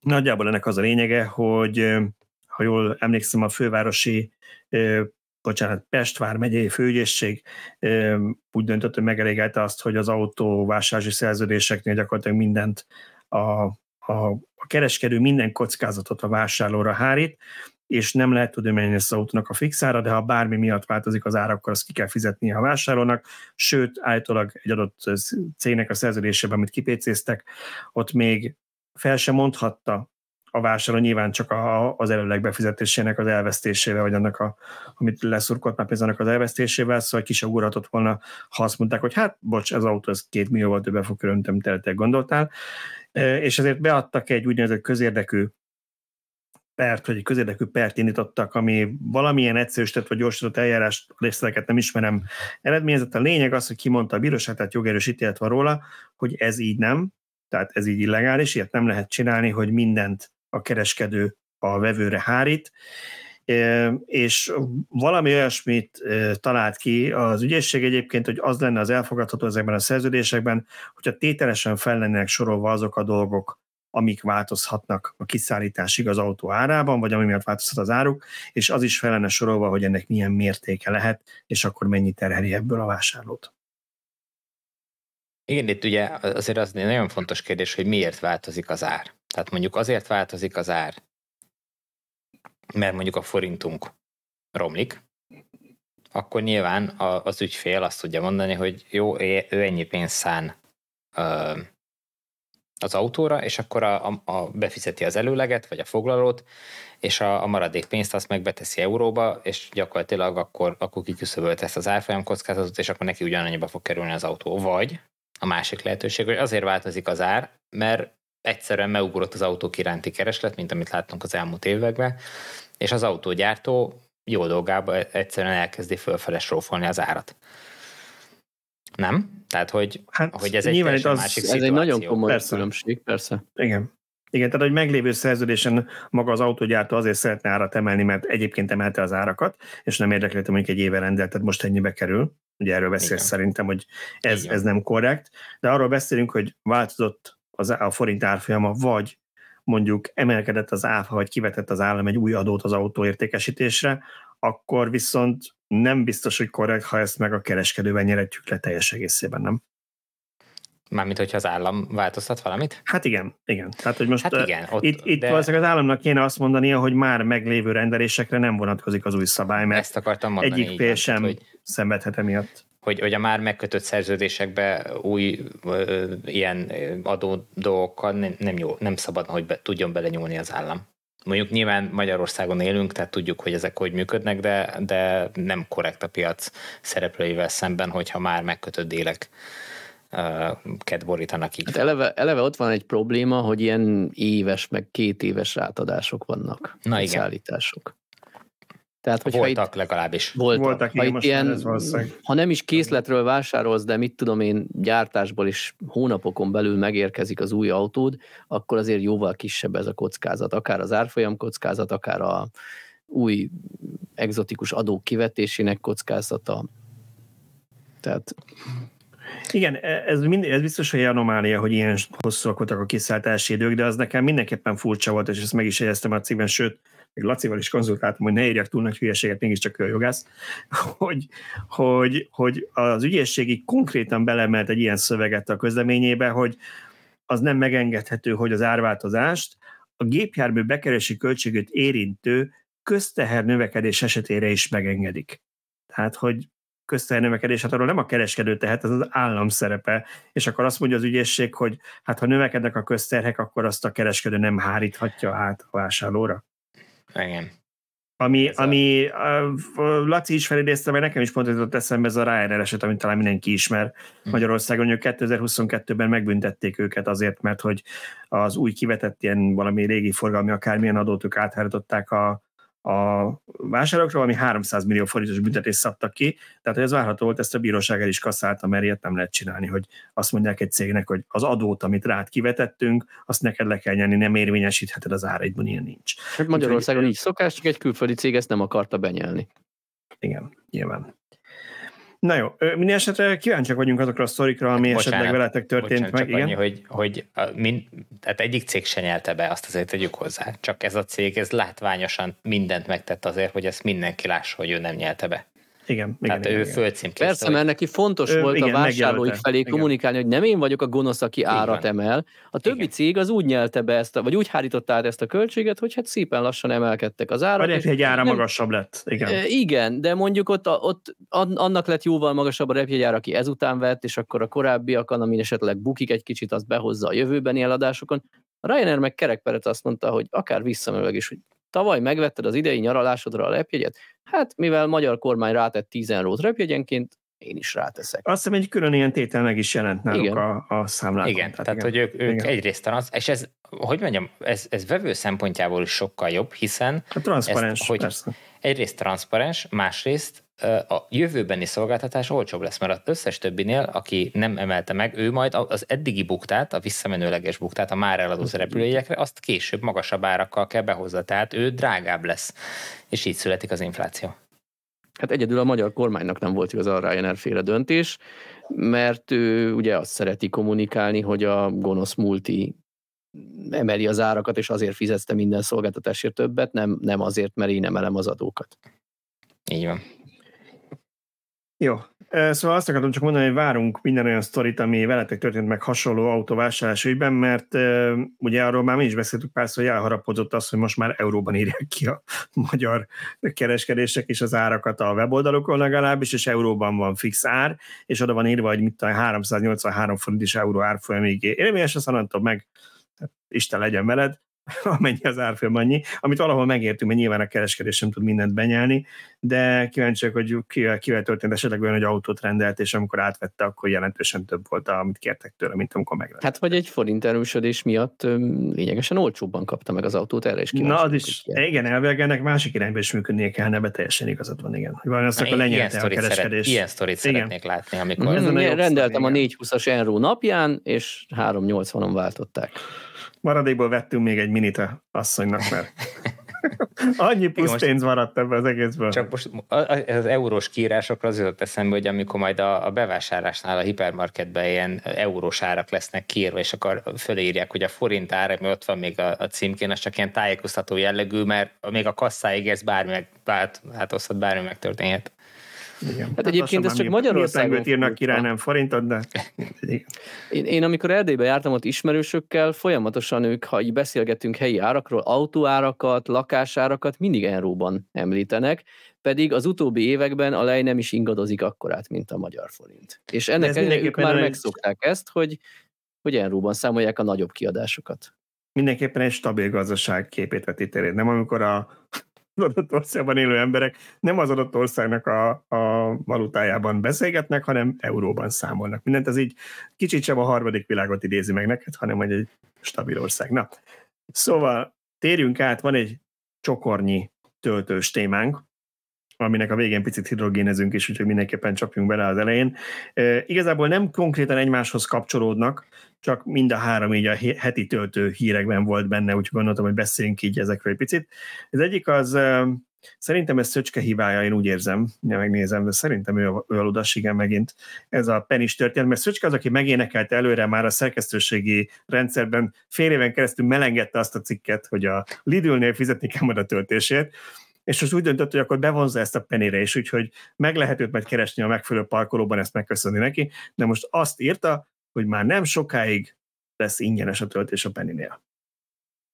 Hát azért ezt Tiből be kell ismernem, hogy spekuláció, és egy kicsit rá kell hárítanom a balhét az olvasóinkra, mert többektől is megkaptuk ezt a figyelmeztetést, hogy egyik napról a másikra a Penny elkezdett a töltések után e-mailben számlát küldeni, ami ugyan nulla forintos számla, de mégis ők is, meg hát szerintem is logikus, hogy ez az előjele egy ilyen változásnak, és valójában ebben semmi meglepő nincs. Gyakorlatilag a Penny maradt az egyetlen országos hálózat. Nyilván vannak ilyen önkormányzati vagy céges töltők, de azok elszigeteltek egy-egy darab töltő valahol valamelyik városban, ahol még ingyen lehet tölteni. Amilyen országos hálózatnak tekinthető, ilyen nem tudom, durván száz helyszínnel, az a Penny hálózata.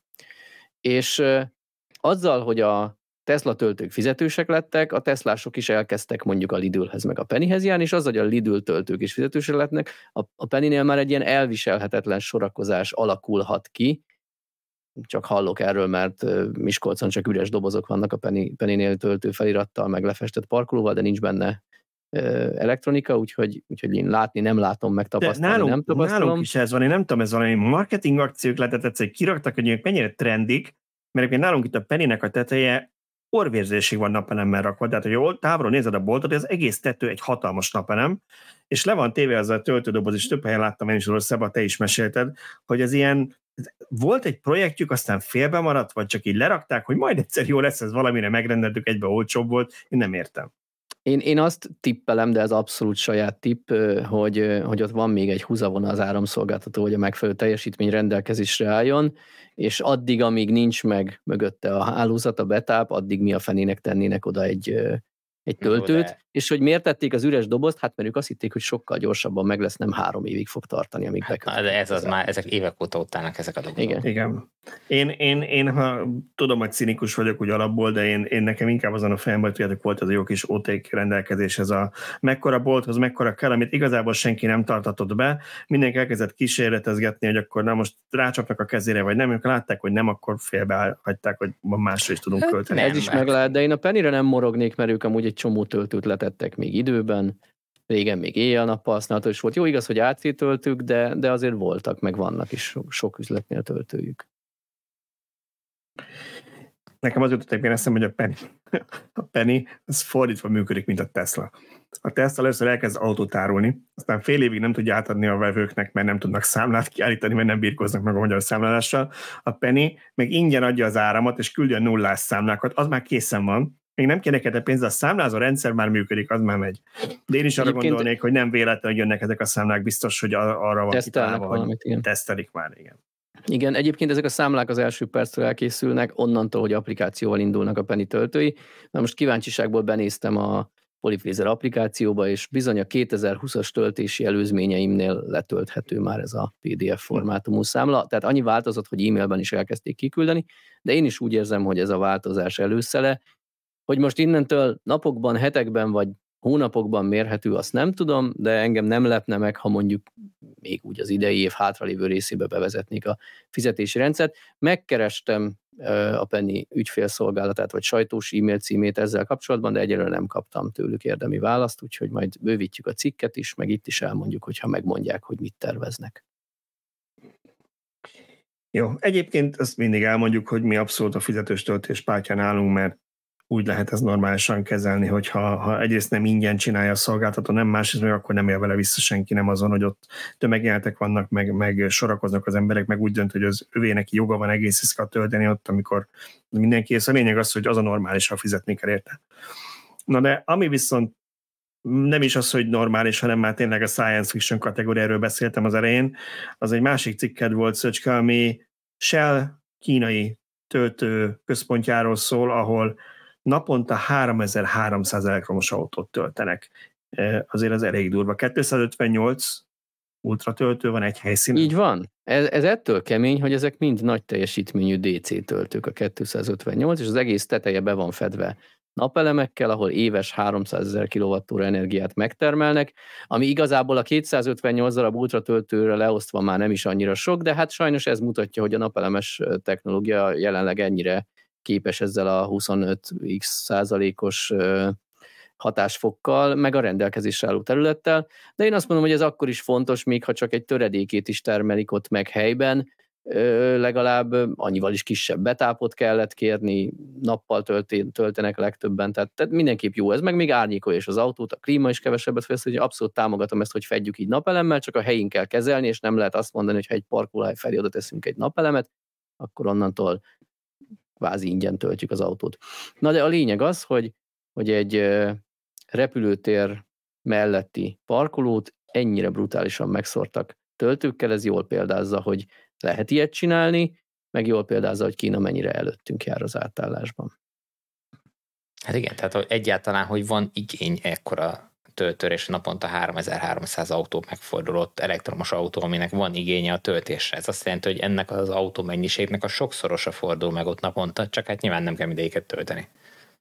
Így van. Hát igen, meg ugye itt a másik az, hogy azt nem tudom, én nem láttam konkrét teljesítményt a cikkben, csak nem vettem észre, hogy milyen teljesítményük ezek a töltők, de hát biztos, hogy ilyen több száz kilowattosak. Tehát kilowattos. Mivel HP-cikről van szó, nem 50 kW-osok, az biztos. Igen, igen, igen. Ugye a Shell-nek, amit mi láttunk, Tibor emlékszel München felé, ugyanilyen töltőszigetét itt mm. Európában, az 360 kW-os oszlopok voltak, nem biztos, hogy Kínában ugyanez az architektúra került. Na de a lényeg az, hogy itt az autók ugye nem órákat állnak tölteni. Nekem ez volt a fura ebben a reptéres sztoriban, én is most ugye a reptéren hagytam az autót, és pár napra, és úgy voltam vele, hogy ott egyébként láttam egy-két ilyen töltőt, azok is AC töltők voltak, meg ott pont át is más, meg amúgy se volt rá szükségem, hogy töltsek, de mondom, hogy ez milyen jó egyébként, hogy ha én itt leállok négy napra, akkor akár közben tölthetnék is, ami tényleg ultra lassú töltőn, tehát az a majdnem elég, hogy egy konnektort kirakjanak kategória, hogy oké, okay, valami normálisabb legyen, de nekem nem kell, hogy egy 22-es AC oszlopot legyen, azt inkább osszák szét öt autó között azt a teljesítményt, vagy hat között,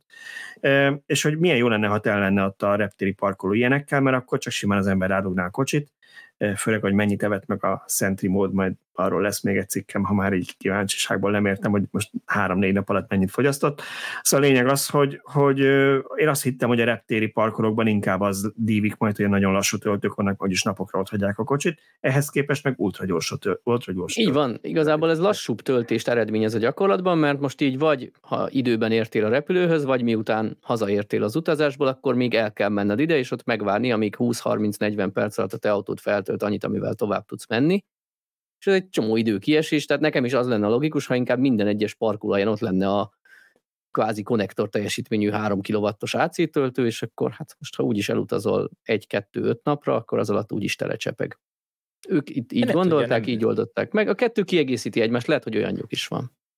Igen, nem biztos, hogy, hogy ö, ugyanúgy használják ők a repteret, mint, mint mi, tehát hogy... Lehet, hogy, igen, ö, igen. Lehet, hogy ezen országon belüli utazásra... Napi, napi távolsági buszként működik. Mm. Igen. Jó, viszont volt még egy másik hírünk, csak gondolom, hogy röviden említsük már meg, ha már ez van egy ilyen csokor, ami nem a Shell, hanem egy másik nagy olajcég, a British Petrol, akik azt jelentették be, hogy Németországban 20 ezer ultragyors töltőt szeretnének letelepíteni 2030-ig, 10 milliárd eurót akarnak befektetni az energetikai infrastruktúrájukba, és jelenleg 250 helyszínen van 1700 töltőjük, most viszont további 20 ezer 20 ezer 300 kilowattos töltőt akarnak lerakni. Hát 1700 van eddig, amit eddig Igen. az elmúlt 10 évben leraktak. Igen. Nem tudom, mikor kezdték, de mondjuk 6-8-10 éve. És most a következő néhány évben akarnak ennek több, mint a Hát mondjuk 7 évben, vagy 6, 6 évben, igen, 20 ezeret szeretnének lerakni. Több, mint a tízszeresét. Igen, Nagyon durva. és 300 kilowattosakat. És hogyha ha belegondolok... Tehát ez már nem ez a kirakat projekt, hogy a BP-nek a logóját Greenpeace kompatibilisre fessük. Igen, tehát hogyha belegondoltok, hogy az elmúlt tíz évben a Tesla az egész világon 50 ezeret lakott le, most a BP csak Európában akar 20 ezeret a következő 7 évben. Tehát, hogy ez, ez, ez Tesla Supercharger szintű hálózat lesz gyakorlatilag itt Európában. Igen, hát valószínűleg nem a BP az egyetlen, aki ilyen. És ráadásul nem is csak Európában, hiszen, hiszen a BP nincs egy csomó országban jelen, Magyarországon sem is tudtam ma jelen. Hát ez igen, konkrétan Németországban mondtam, ezt a 20 ezeret. Ez Németországban, igen. Na. Szóval, és ott ugye valószínűleg Aral, Aral néven, mondjuk ugye Magyarországon volt régen, de már nincsen, Aral Pulse-nak hívják ezt a szolgáltatást, az Aral kutakon találhatók, és Hozzáteszem, hogy azt is mondták, hogy 100%-ban megújuló energiával akarják ellátni. Még mielőtt valaki megjegyzi, hogy no, majd a lengyel szénerőművek fogják tölteni az elektromos autókat. Nem. De, mondjuk e, én, én azért ettől mindig kiakadok ettől a minden. Ja, ez ilyen certifikát. Zöld certifikát, igen. Igen, tehát igen. hogy ez világon nincs annyi zöld energia szerintem, amennyi certifikátet eladnak. Igen. Nekem az, hogy tetszik, mert mindenki elmondja, aki megtermeli, aki leszállított, mindenki elmondja a weboldalon, hogy ő mennyi zöld energiát szállít, és ugyanazt adják el háromszor így, igen. Mert hogy marketing szempontból ugyanazt adják el háromszor. De a nap végén valószínűleg a megtermelt zöld energia lesz az, amit ott elhasználnak, lehetséges, hogy valami északi tengeri, nem tudom, szélerőműből jön, de, de attól még az ugye oda lesz akkor az elektronok átadva, vagy ha legalábbis virtuálisan. Na de, ami nekem itt mindig érdekesebb ezekben a sztorikban, én már régóta várom, hogy mikor fog valamelyik nagy-nagy olajcég felébredni erre, mert hogy igazából jelenleg történik az, hogy kiénekelik a sajtot a szájukból. Szóval ők így bele vannak kényelmesedve ebbe, hogy hát ők amióta autózás van, ők uralják ezt a piacot, és a világ legnagyobb cégei között vannak. De ugye egyrészt az elektromos autók kapcsán eleve újraosztják a kártyákat, mert bárki, akár energiacég, akár más cégek is, akár autógyártók kiépíthetnek ilyen hálózatot. Tehát új szereplők jelennek meg a piacon, és, és egy olyan piacon, ami látjuk, hogy merre megy, mert az átállás mindenhol zajlik. Most már hivatalos végedátumok is vannak, nem csak ilyen, ilyen himi-humi képzelgések. De a másik meg az, hogy, hogy, hogy az is egy veszély szerintem ezeknek a cégeknek a szempontjából, hogy nem lesz még egyszer akkora nyilvános töltőhálózatra ebben az értelemben szükség, mint ami jelenleg van benzinkút hálózatban. Ha csak abba gondoltok bele, hogy a lakosoknak Magyarországon is mondjuk a fele otthon tud tölteni, nyilván ez nem minden európai összebjön, tudjuk, hogy mondjuk Hollandiában ez mondjuk 30 százalék, van más országon nyilván magasabb, mint 50 százalék, de mondjuk legyen a fele. A magyar, magyart vegyük most ilyen középértéknek, ők eleve már csak akkor fogják használni nyilvános hálózatot, hogyha elmennek valahova, és hosszú útra mennek. Akkor azok, akik mondjuk városban laknak, nem tudnak parkolóban tölteni, őnekik is azok a fajta célállomás töltők lesznek a megoldás, mert sokkal kényelmesebb lesz, amelyik egy áruháznál van, mint amiről az előbb beszélgettünk, vagy mondjuk mozinál van, vagy mondjuk állatkertnél, vagy bármilyen helyen, ahol amúgy is soka, sokáig áll az autó, hova elmennek, hiszen akkor nem kell még csak akár 5 percre sem elmennie valahol tölteni, hanem az a, a, ez a töltés ez egy nem létező fogalom lesz a számára, mert az a mindig százszerzékos autóhoz ér oda. Tehát nem lesz arra szükség, hogy ahány benzinkút van most, mindegyikhez legyen villámtöltő. Szerintem a villámtöltők ilyen autópályák, gyorsforgalmi utak mentén lesznek népszerűek, ami kisvárosokban lévő töltők, pontosabban benzinkutak, azok meg szerintem valószínűleg át fognak alakulni, vagy meg fognak szűnni egy jelentős részük legalábbis, mert nem lesz rájuk annyi igény. Szóval a BP ezzel egy jóval nagyobb szeretet tud majd kihasítani magának, mert nyilván nem valamelyik kisvárosban fognak tenni egy 300-as töltőt, hanem gyanítom, hogy a gyorsorgomítok mentén akarják ezt lerakni. Hát gondolj bele, hogy ha, ha tényleg ez van, amit te mondasz, hogy, hogy a kisebb városokban visszaszorul így a nyilvános töltés, és nem lesz szükség a benzinkutakra, de mondjuk tegyük fel, hogy azért valamennyi szükség, vagy valamennyi igény Valamennyi biztos, ezekbe, persze, persze. Akkor a BP most leteszi a, a saját kutyaihoz mindent megszór töltővel, akkor a következő, a második benzinkút mit fog csinálni abba a faluba vagy városba? Eddig volt rá szükség, de, de a, a második, harmadik benzinkutra már nem fog kelleni ilyen töltőket ö, építeni, mert nem lesz kihasználtság. Tehát ak- akkor azok, azok a, a, a szolgáltatók zárhatják majd be sorra ezeket a kutyaikat. Tehát szerintem egy nagyon jó lépés ez a BP-től.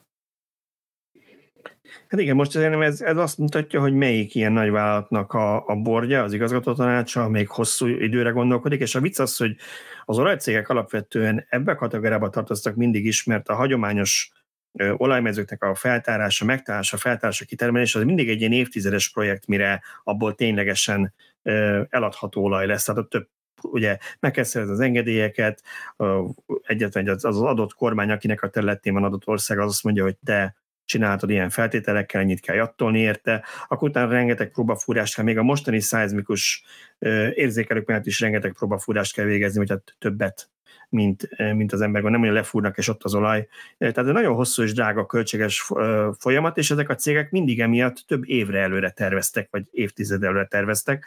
Úgyhogy ha valahol ezt az ember várta volna, akkor ez itt van, csak vagy senki nem vette ezt elég komolyan. Hát az én volt cégem abszolút nem, ott még csak nevettem ezeken a belső kommunikációkon, de úgy látszik, hogy a British Petrol az, az beleállt ebbe, és ez már tényleg nem ez a kirakat projekt.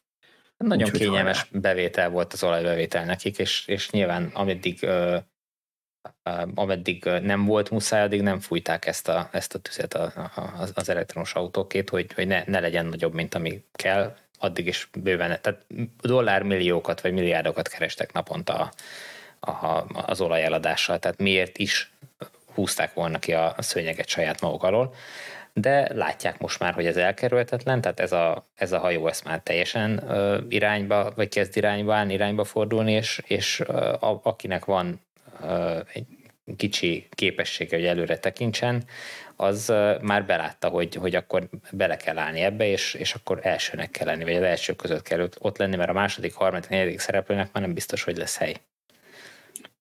Igen, már beszéltünk arról ma, hogy, hogy milyen tanulságok vannak így az emberek a közgazdasági tanulmányából, azért szerintem nagyon nehéz olyan példát mondani az, a történelemből, mondjuk az elmúlt 200-300 évből, amit egy technológia határozza meg az ipari történelmet, hogy az inkumbensek, tehát a, a meglévő nagy cégek egy technológiai váltásnál, a következő technológiánál megőrizték a pozíciójukat. Nem?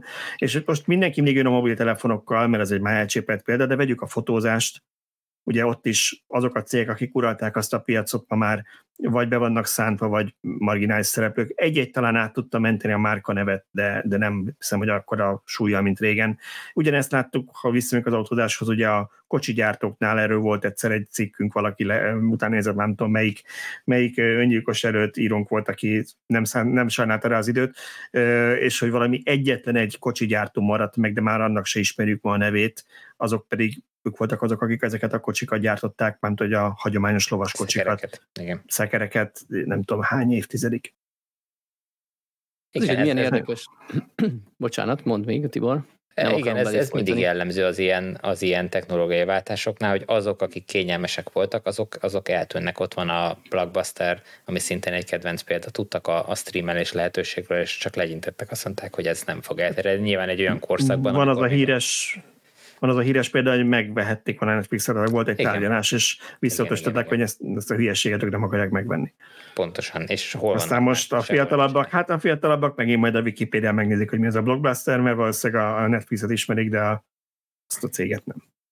Az, az, az, igen, mond, bocsánat. Az, az az, ami nekem egy kicsit érdekesít, hogy eddig úgy gondoltuk, hogy a hagyományos benzinkutak, a nagy olajcégek, ők ki fognak maradni ebből, és most azt látjuk, hogy egyre inkább telepítenek elektromos autótöltőket ők is, mert mégiscsak szeretnék, hogyha az autósok továbbra is náluk állnának meg kávézni, meg közben feltölteni üzemanyaggal a járművet.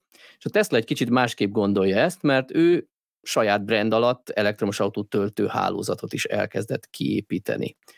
Ellenben, a, akik a hidrogénben hisznek, ők továbbra is várják, hogy majd a külső szolgáltatók oldják meg számukra ezt a problémát, és, és valaki.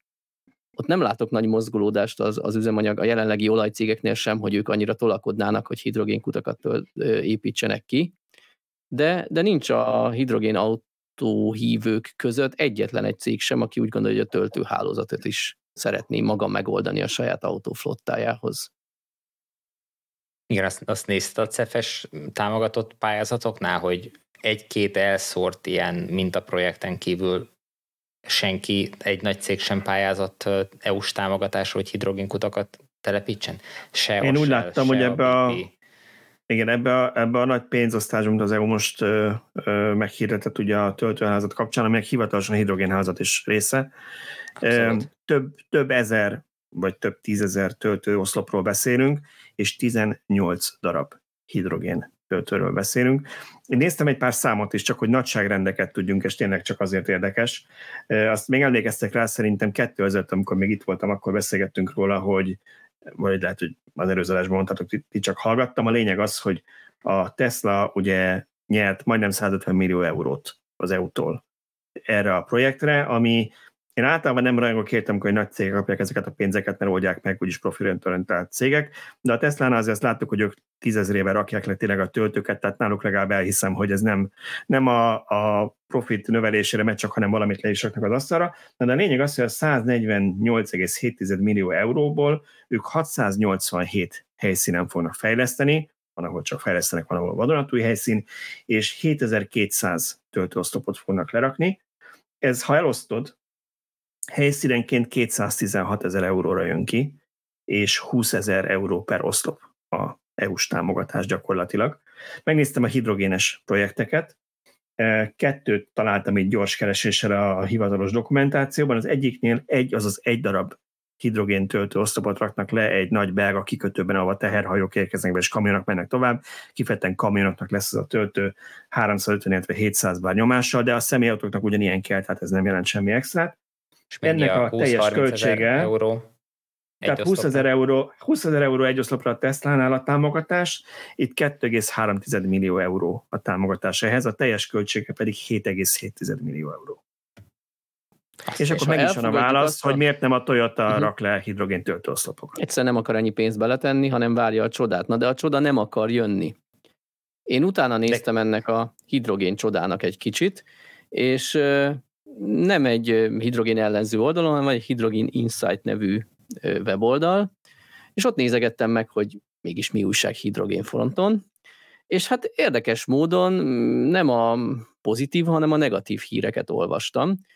Például Dániában történt egy ilyen probléma, hogy idén nyáron, június elején a Dán töltőhálózatot kiszolgáló cég valamelyik tartály kocsijánál szivárgást észleltek, és hát ennek a felesem tréfa az nagyot durranhat, leállították ezt a, ezt a tartálykocsit, elkezdtek vizsgálódni, és rájöttek, hogy a 12 tartálykocsiból valójában nem egy, hanem 8 szivárog, és oda jutottak, hogy több mint egy hónapig állt a hidrogénszállítás. Tehát hiába van Dánia szerte, nem tudom én, talán 9 hidrogénkút, ezekre nem tudtak üzemanyagot szállítani, és aki már beruházott hidrogén autóba, az, az ott állt üres tankkal, mert hát ez nem olyan, hogy akkor, ha nem megy a DC töltő, akkor egy fene töltök otthon, ők ott, ott álltak az autóik. Volt köztük egy kopenhágai taxitársaság, akinek a flottája 60 darab hibrid autó mellett 100 darab Toyota Mirai-ból áll, és egyszerűen nem tudták kiállítani ezeket az autókat. Tehát ez, ez nem csodálkozni. Kiállítani ki lehetett őket, hát, de dekorációnak igen, de, de igen, ö, igen Triglen oda lehetett vinni, hogyha már, már viszont, belőlük a hidrogén. Viszont de, de nem megvan, hogy kivette meg mind a száz mirait Európában. Igen, egy kopenhágai taxitársaság úgy döntött, Igen. hogy ők keményen, keményen belecsapnak. ez mekkora pénz volt nekik. Ebből Na de akkor, akkor ez most azt jelenti, hogy most nagyon olcsón lehet hozni Dániából, mi right?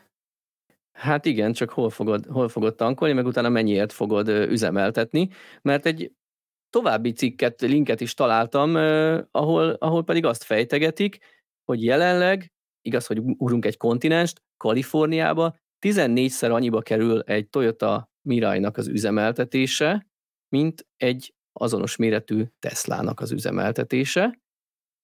De hogy visszaugorjunk, csak hogy csapongjak, mert így sokkal jobb lehet szerintem a hallgatóknak, hogyha csapongok, azt várnánk, hogy, hogy Dániában megoldódott az egy hónapos szünet után ennek a Everfuel nevű 2019-től működő hidrogén üzemanyag hálózatnak a problémája, mert megtalálták a problémás szelepet, javították, stb. és mindenki happy. Hát nem. A cég most szeptemberben, néhány napos hír, úgy döntött, hogy ők nem bírják tovább finanszírozni a veszteséget, amit ezek a töltőállomások termelnek, ezért bezárják. Hát nem teljesen szűnik meg a cég, mert a személyautó kiszolgálását szüntetik meg az ilyen nyilvános töltőállomásokon, és arra terveznek koncentrálni, hogy azért teherautókat még ki fognak száll, szolgálni, gondolom telephelyeken, vagy valami, ha nem ilyen nyilvános kutakon. Na de ha meg az lesz, hogy telephelyen töltik a hidrogént is, akkor miért ne lehetne ott árammal tölteni a kamionokat? Igen, főleg, hát hogy igen. kell hozzá teljesít, nagy teljesítményű áram is. Hát meg, hogyha tényleg ennyivel sokszor többe kerül a hidrogénnel üzemeltetett uh, járműnek, tehát a hidrogén üzemeltetése, uh, akkor, uh, akkor ki fog olyan kamiont venni, ahol tényleg a fillérekre kiszámolják, vagy centekre kiszámolják, hogy mi a megtérülés meg a haszon. Így van, nem, nem annyira érdekes, látom a nagy jövőt. Érdekes ez a, ez a hidrogénkutak lezárása, vagy hát személyszállítása, de mindegy, mert szerintem egy fél éve, pár hónapja írtam arról, hogy a Shell nagy-Britanniában bezárta a hidrogén kutyait, pontosabban amilyen vegyes üzemben, talán üzemeltetése volt valakivel, de az, hogy bezárták, mert hogy egyszer nem volt rentába is a fenntartásuk. És az egyik hír, amit itt találtál, Szöcske, az szintén a Shell kapcsán volt, akik nyertek egy pályázaton pénzt arra, hogy 48 hidrogén töltőállomást építsenek Kaliforniában, és ezt a projektet is beszántották végül. Így van. Hát és emlékszem, amikor az Ionity Balaton keresztúri átadójánál a, a Shell szervezett programot, akkor kapitány Istvánnal ott kávézal beszélgettünk, és ő nagyon fel volt háborodva, hogy beugrasztották a shell Németországban hidrogén kutak telepítésére, mondván, hogy majd itt aztán szórni fogják a piacra a hidrogén, hidrogén üzemanyagcellás autókat, és gyakorlatilag kihasználatlanul ott állnak a, a kutak, nem nincsenek autók, amiket tölteni lehetne rajtuk.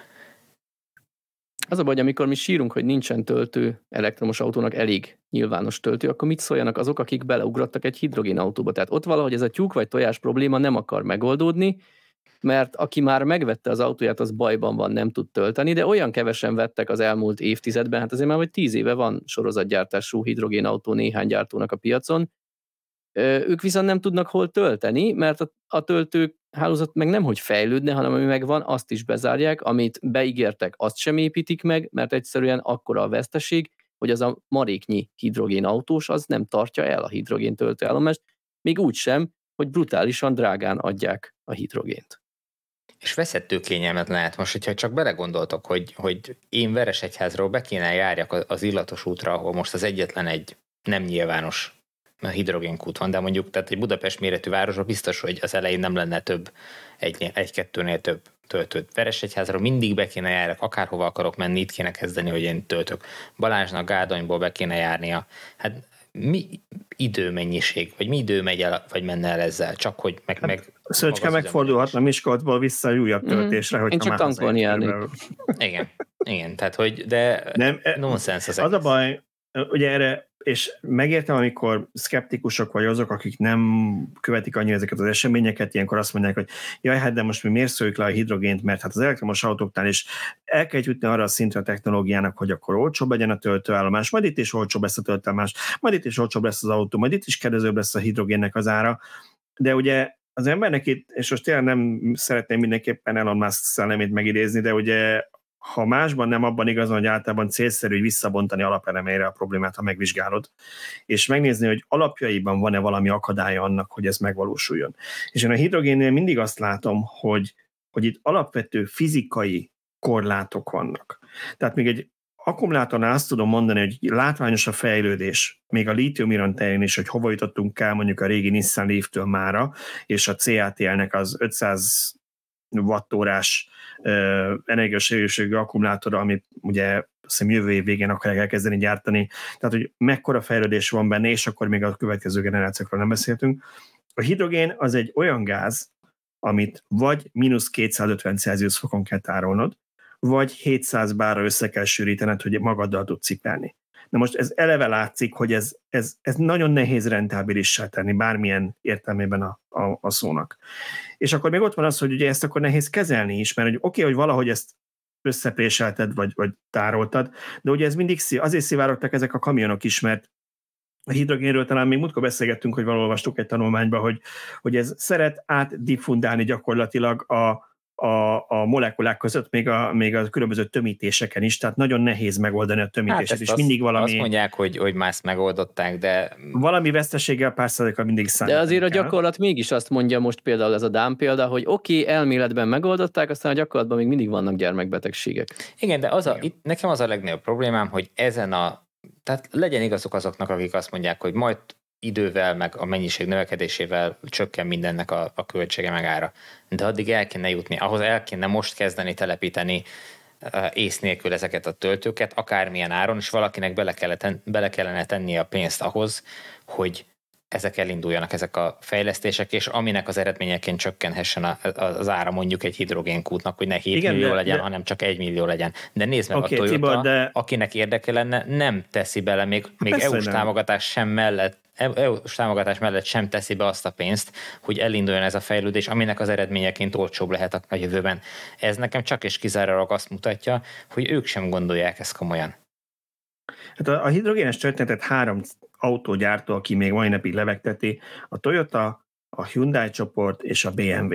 Ezek a közül Hyundai, egyik sem... Hyundai már feladta. Á, a Nexus még árulják ezeket, igen, igen, rajt, sőt, láttam olyan adást is, tehát a, többet adtak ebből, mint a Miráiból hozzáteszem, valami kaliforniait, vagy mi volt, mindegy, tök mindegy. A lényeg az, hogy három cég van. Egyik se állt neki töltőházat építeni.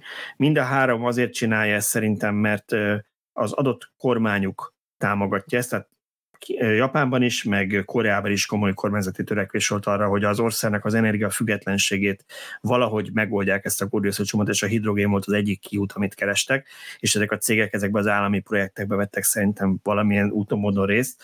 A németeknél meg azt hiszem BMW-nél regionális támogatás volt rá a, a, az ilyen projektekre.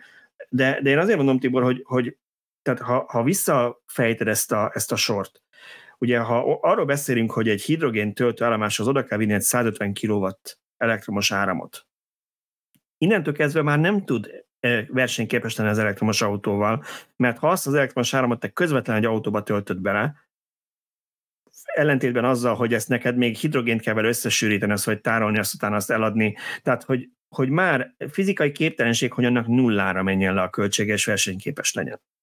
Igen, gyakorlatilag egy hidrogén kút az egyben egy ultragyors villanyautótöltő is, ha a teljesítményt nézzük, az elektromos teljesítményt.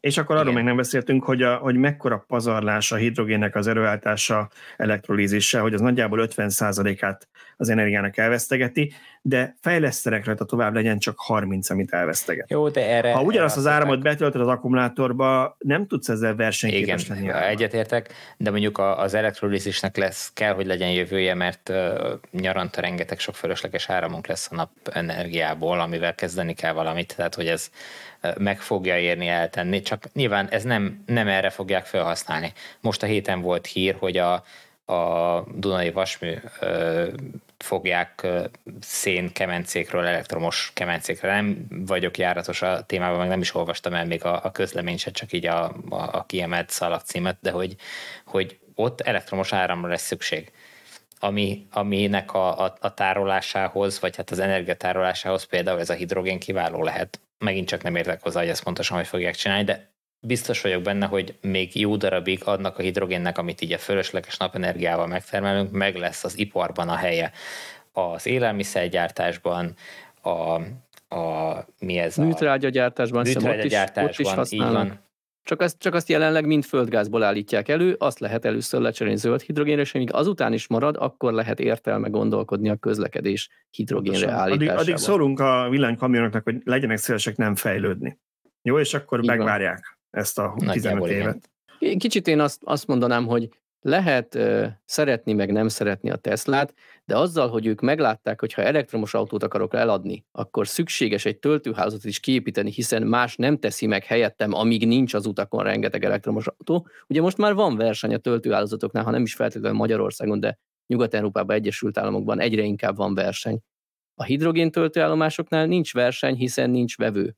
Meg kellene teremteni a keresletet, és ki más teremtheti meg, mint aki autót akar eladni. Ha ő ezt komolyan gondolja, akkor tegyen le. Nyilván nem kell egy tökéletes, de egy alaphálózatot tegyen le, hogy mondjuk Magyarországból kiindulva minden megyeszékhelyen legyen legalább egy hidrogénkút, ezt finanszírozza meg a Toyota, a Hyundai, a BMW, hozzák le, hogy ki melyik városba telepíti a töltőt, és akkor onnantól már el lehet adni a hidrogén autókat, hiszen ha kis kompromisszummal is, nem is olyan kicsi, de mindegy, fogom tudni használni, vagy sokan fogják tudni használni.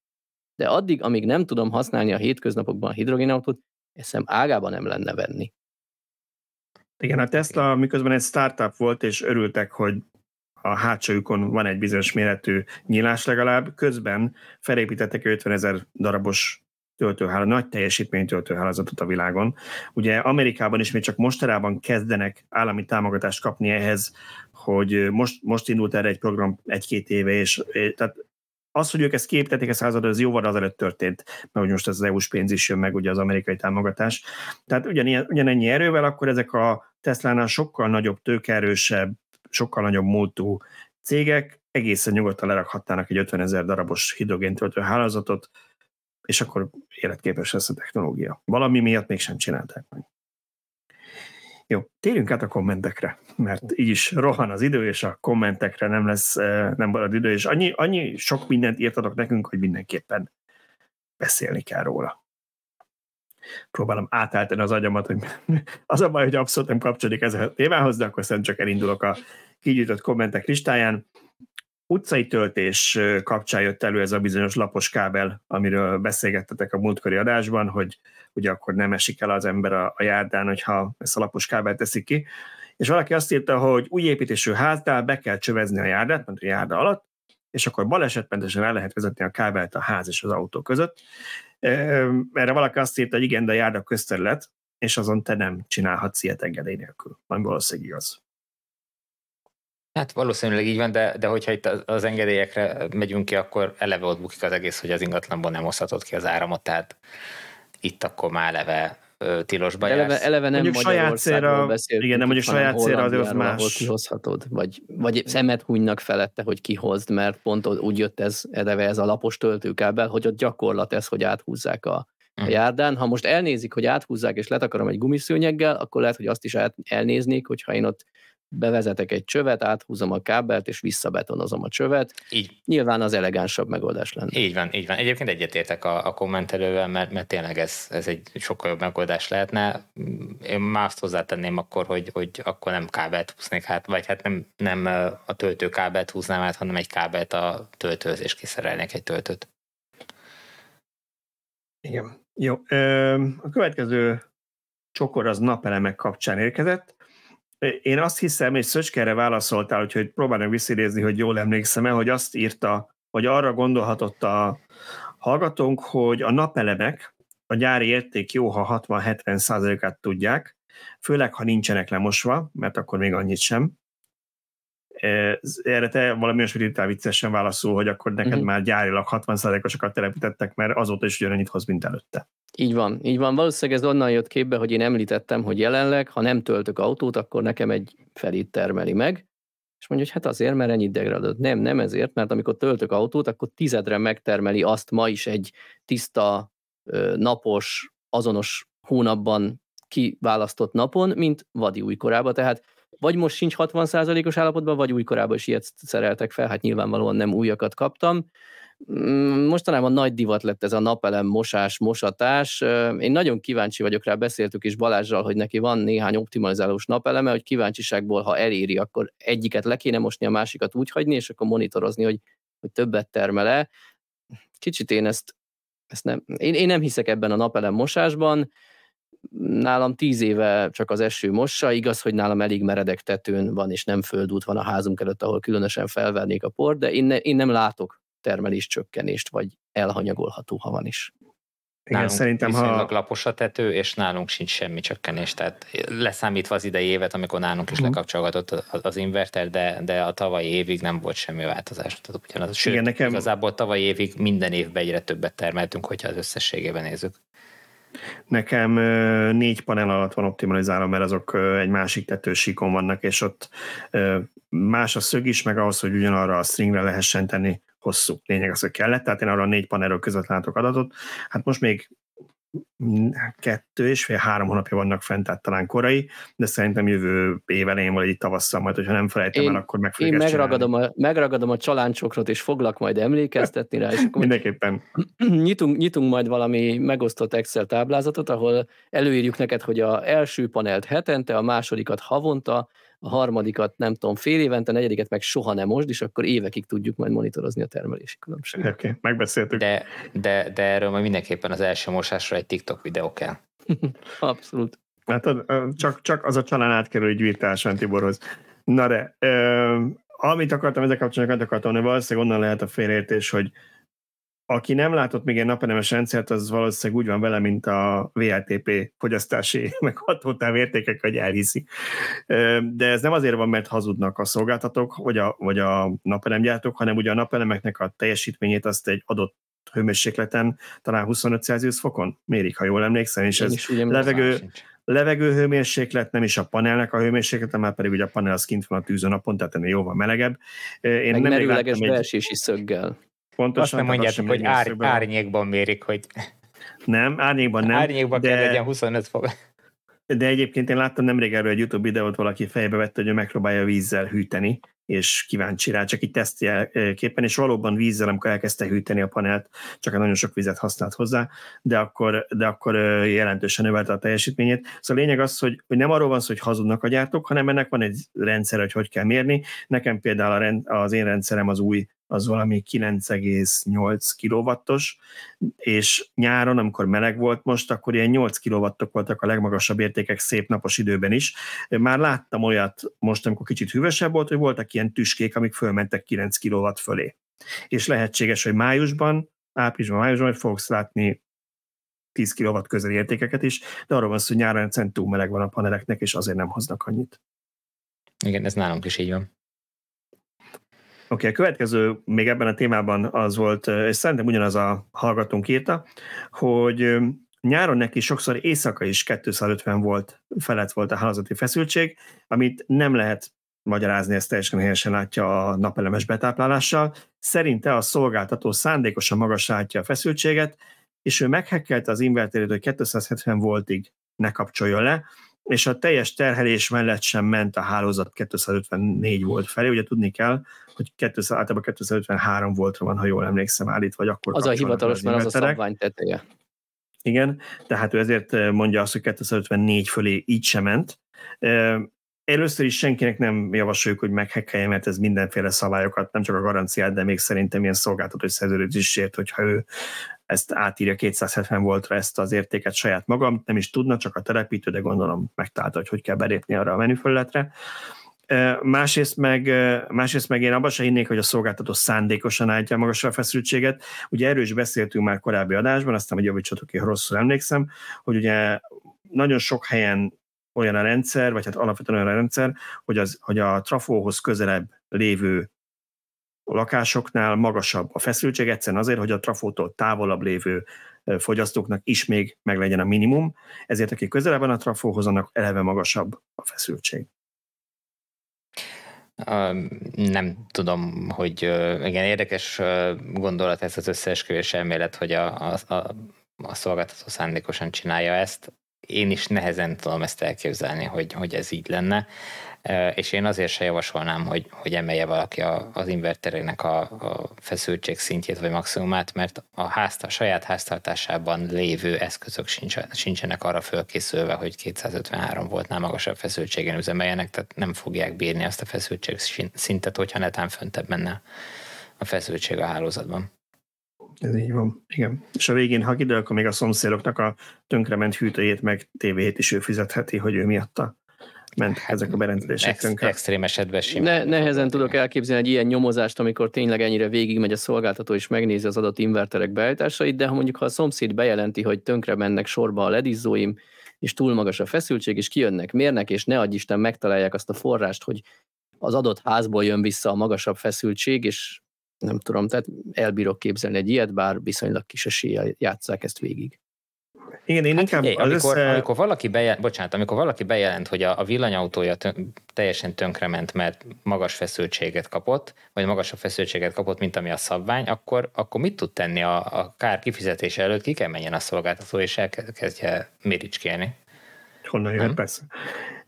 Én azt akartam csak mondani, hogy, hogy azt el tudom képzelni, azt nem, hogy a szolgáltató szándékosan azért, hogy kiszúrjon veled. Azt el tudom képzelni, hogy viszont a szolgáltató nem túlzottan motivált abban, hogy mondjuk ezen a rendszeren változhasson, mondjuk rövidebb legyen a trafókörzet, mert hogy két trafolással, uh-huh. és ne egyel próbálják meg végig, mert neki ez beruházás is igazából neki nem éri meg. Most azért kölcsön erre plusz, hogy neked a napelemet többet működjön, ugye ez neki nem, nem biznisz, úgyhogy lehet inkább az van egy pupa hátán, és nem foglalkozik velem. Küldözget 5000 forintos csekeket, az sokkal kevesbe fáj neki anyagilag, meg mindenhogyan, mint az, hogy ő, nem tudom én, x10 vagy 100 millió forint egy új trafót telepítsen.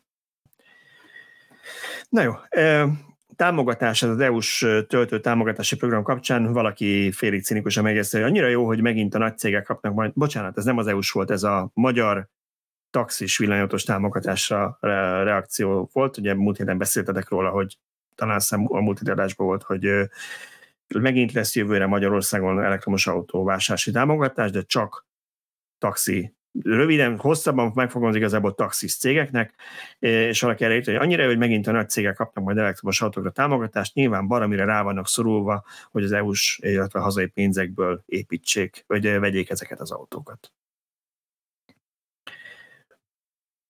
Hát Igen, nem tudok mit reflektálni erre. Értem, a, értem az olvasót, másfelől, hogyha, hogyha egy-egy ilyen támogatással egyben meg lehet oldani mondjuk egy carsharing flottának a teljes cseréjét, vagy egy taxi flottának a teljes cseréjét, vagy egy uh, sokat futó akármilyen flottának a, a teljes cseréjét, akkor lehet, hogy, hogy összességében jobban megéri ebbe fektetni, vagy, vagy legalábbis nem, nem olyan nagy probléma, mint ami ennek elsőre tűnik.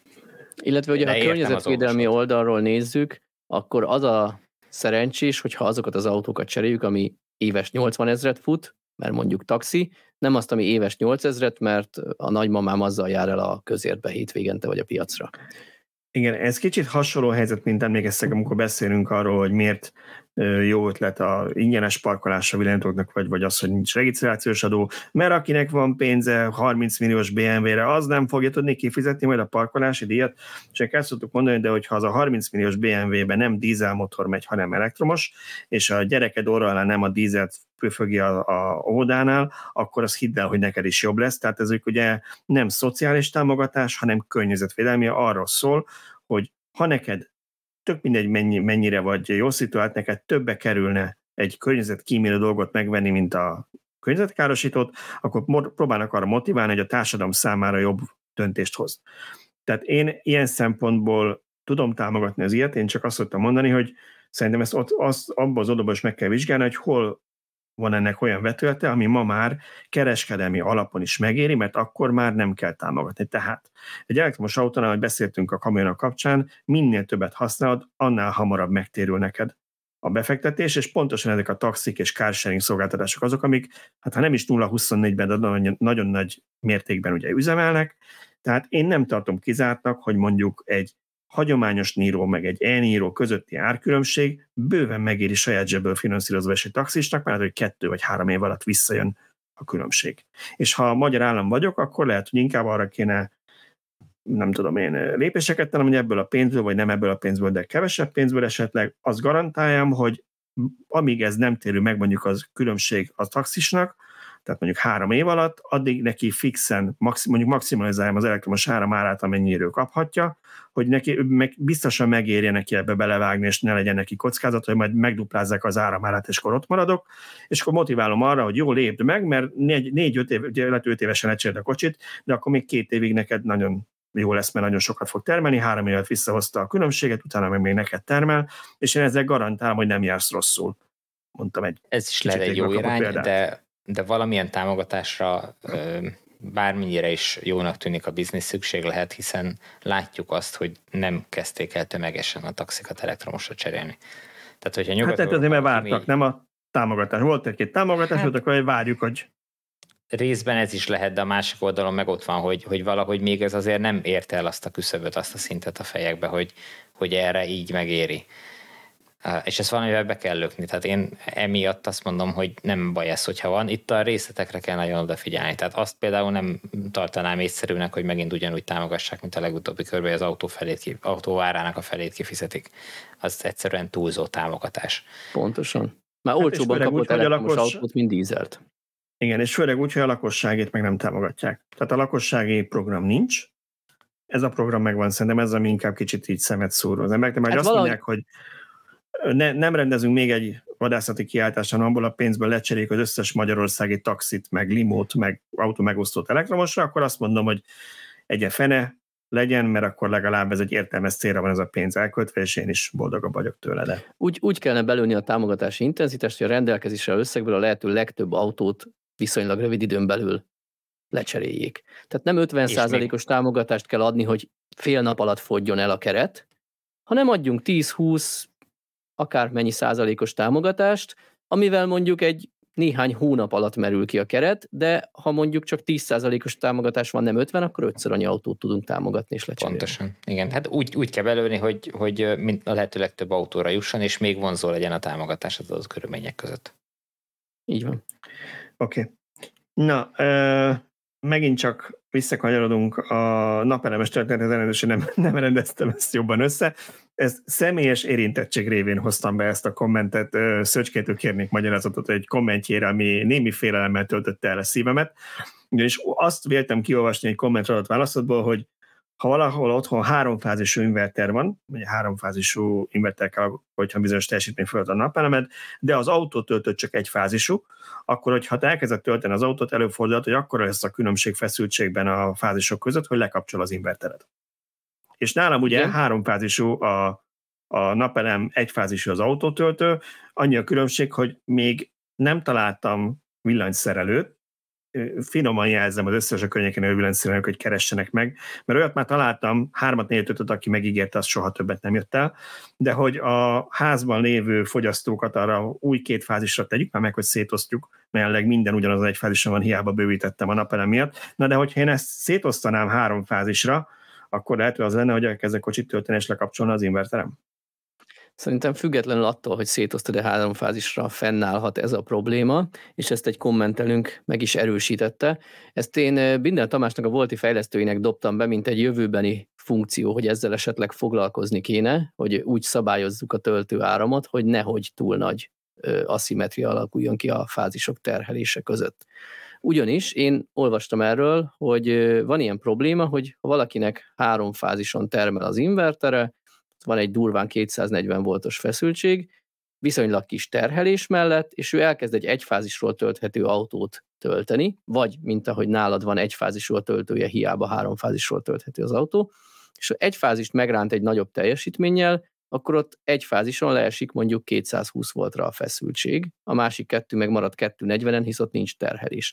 És esetleg bizonyos típusú inverter ezt hibaként érzékelheti, vagy uh-huh. észlelheti, és azt mondja, hogy akkor inkább leállok biztos, ami biztos. És ezt erősítette meg egy hallgatónk, hogy igen, van ilyen Jó, de ha én, ha én ezen a nyáron nem találkoztam még ezzel, akkor valószínűleg nálam még nem akkora a probléma, hogy ez jelentkezzen, ezek szerint. Mert én, benne, én hogy... nem monitorozom annyit ezeket a feszültségeket, mint én, mert hála Istennek még nincs ez a problémám, hogy túl magas lenne, bár azért az egyik fázis az határon táncol, néha nálam is 252 volt, ott már láttam. Hát akkor arra érdemes tenni az autótöltődet, hogy azt húzza le. Igen. Uh-huh. Jó, a, má, a következő kommentünk az egy, hát félig meddig ilyen felhívás. Ki az, aki hallott erről a hallgatók között, és mit tudna nekünk erről mesélni? Az egyik hallgatónk azt írta, hogy az EON-nak által van egy új akutelepítős programja, és egy munkatársát eh, keresték meg, hogy eh, szeretnének LFP-s akkumulátort telepíteni a környékre, és gyanítom, hogy az ő házát nézték ki, hogy nem volt az EON-nak ott külön területe, és megkérdezték, hogy ha ők fizetnek havi béleti díjat, akkor az ő telkén valahol telepíthetnének egy ilyen LFP akkumulátor, hogy a környéknek az elektromos stabilitását javítsák, ami egy nagyon örülünk neki, hogyha magyar szolgáltatók elkezdenek LFP-s akkor egy trafó közvetekben, mert ezt bár nem értünk hozzá, de ezt pampoljuk egy ideje, hogy ezzel milyen jól meg lehetne oldani ezeket a helyi szintű problémákat. Kettő, arról nem hallottunk, hogy az EON ehhez elkezd, elkezdte volna már megkeresni mondjuk az adott körzetben élőket, hogy kinek van egy kis szabad helye területén. Kicsit így fura elsőre, de ha van ilyen... Engem is meglep, hogy nem a trafóházba teszik, de hát lehet, hogy ja. valamiért az ott technikailag nem megvalósítható. Én is nagyon kíváncsi vagyok erre. Igen, egyébként okay. ez egy érdekes elgondolás, hogy vannak ezek a betonházas konténer trafók, azoknak a tetejére egy második szintet nem lehet esetleg húzni és abba belerakni az akkumulátorokat, tehát hogy nem tudom, lehet, hogy ez a, ez a gyorsabb, meg hát csomó akkumulátor, aztán lehet, hogy nem merik oldalra kitenni, mert valaki ellopja, de hogy, hogy ezek általában olyan annyira idős állásjárokat a Tesla Power-ról tudjuk mindenképpen, de gyanáton többi is ilyen dizájn, hogy ezeket lehet kívülre és az épületekre tenni, nem muszáj teljesen zárt helyen lenniük. Jó, de gondolom nem Tesla Power-t akarnak felrakni, hanem, hanem ipari Na de az iparit azt meg én úgy gondolom, hogy még inkább úgy tervezik, hogy nem biztos, hogy fedett csarnokba kell rakni. Hát nem feltétlen kell, de hogyha egyszer ott van már a, a trafónak vettek helyet, vagy bérelnek helyet közterületen, akkor, akkor annak a tetejére egy második szinten el lehetne helyezni ezeket, nem? Hát lehet olyan, hogy, hogy ott van probléma, ahol nincs, tehát nem, nem nem jut vissza, vagy a probléma lentebb van, ahol csak ilyen oszlopon lévő kis dobozos trafó van, nem pedig a igen, nálunk, nálunk is ilyenek vannak, hogy négy-öt utcánként, ahogy megyek lefelé, uh-huh. már pár akkor ott zömmögnek a villanyoszlop, két villanyoszlop között fönt így a levegőben. Lehet, hogy egy ilyen, ilyen nem, nem, nem, nem, tudom ezeknek a szakaszoknak a beosztása, de hogy ezen a legutolsó, legkisebb egységben van probléma. Uh-huh. Nem tudom. Kíváncsian várjuk erről. A trafó, a, a trafó az ugyanaz a betonházas konténerben is, meg ami az osztopon van, tehát ugyanúgy a, négy, a nem tudom, két kilovoltról 400 voltra konvertál, vagy mit, valami ilyesmi. Tehát mind a kettő ugyanúgy ezt a 400 voltos szintre, a kis feszültségre termel áramot csak a rég, régebben még az oszlop tetejére tettek kisebbeket, a nagyobbak, ahol nagyobbat kell uh-huh. telepíteni, ott meg már csinálnak ilyen a földre telepített házat neki. Nyilván, ahol az oszlop tetején van, ott, ott nehéz mellé rakni a, a, az akkumulátort, vagy nehezebb mellé rakni, valószínűleg nem plusz, nem tudom, extra két tonnára tervezték a, azt az oszlopot se, ami, ami a trafót tartja. Igen. Jó, gyorsan akkor még van egy pár kommentünk.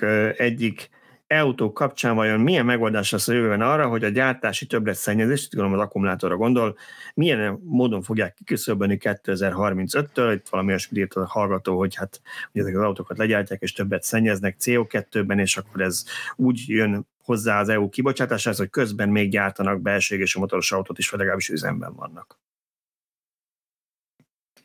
Én ezt úgy értettem ezt a, ezt a kérdést, hogy a, az, az akkumulátorgyártásból eredő extra uh-huh. károsnyák kibocsátást, nem? Ez a, ez a igen, igen, igen. Itt, itt én a Northvoltot említeném példának, ugye ők, nekik feltett szándékuk, hogy a, a, a gyártás során csak tisztán megtermelt energiát használnak fel, ezért telepítették Észak-Svédországba a gyárukat, ahol rengeteg sok fölösleges vízenergia van, amit ugye eddig exportáltak az EU-ba, de nem tudom, ha jól értettem, akkor, akkor most már még több van.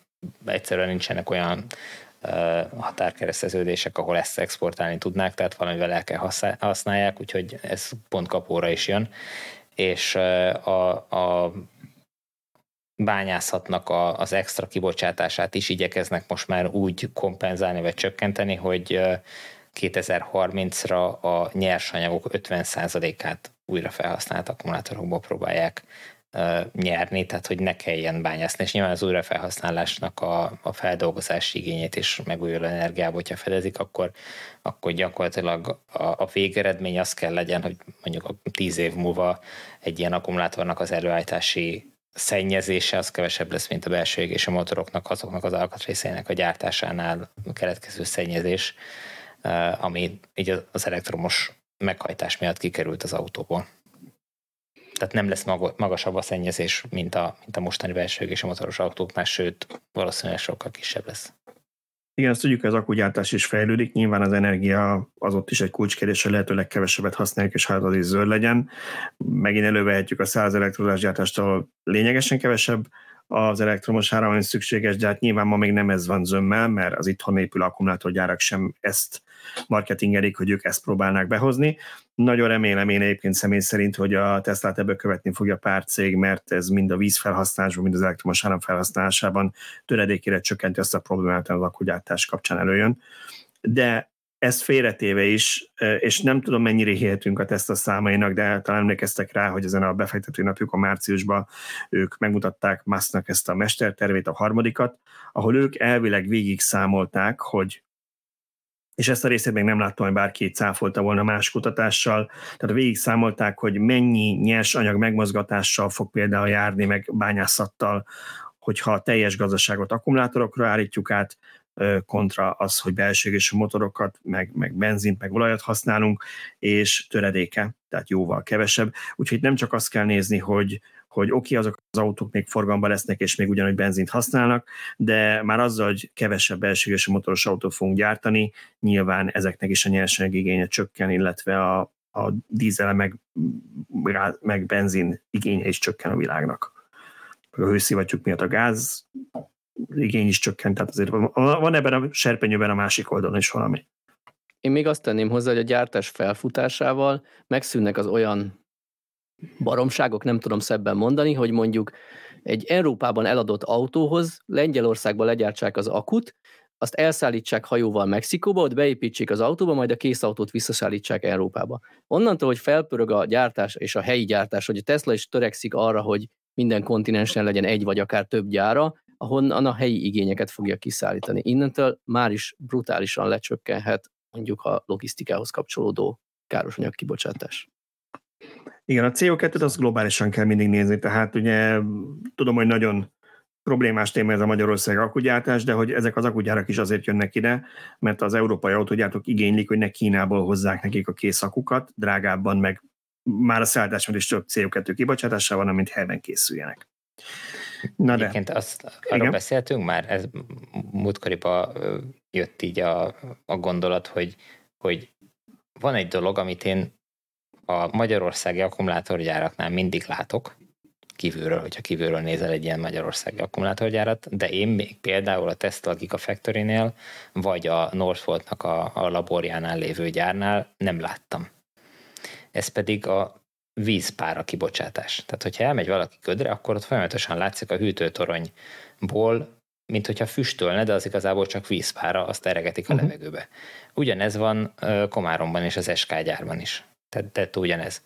És se Svédországban nem láttam ilyet, se a Tesla gyáránál, amelyiknek by the way a, a tetejét most már majdnem teljesen lefették napelemekkel, mellékszel lezárva, de hogy, hogy én még soha nem láttam olyan felvételt arról, ahol, ahol a, nem is látok a, a, a gyárnak a tetején olyan nyílást, ahol, ahol vízpárát lehetne kieregetni. Tehát, hogy, hogy mit csinálnak Sőt, ők ugye más, a, hogy... a, Bernini gyárnak a bővítésénél egy deci plusz vizet nem kértek, hogy duplázzák az akku és az autógyártást is.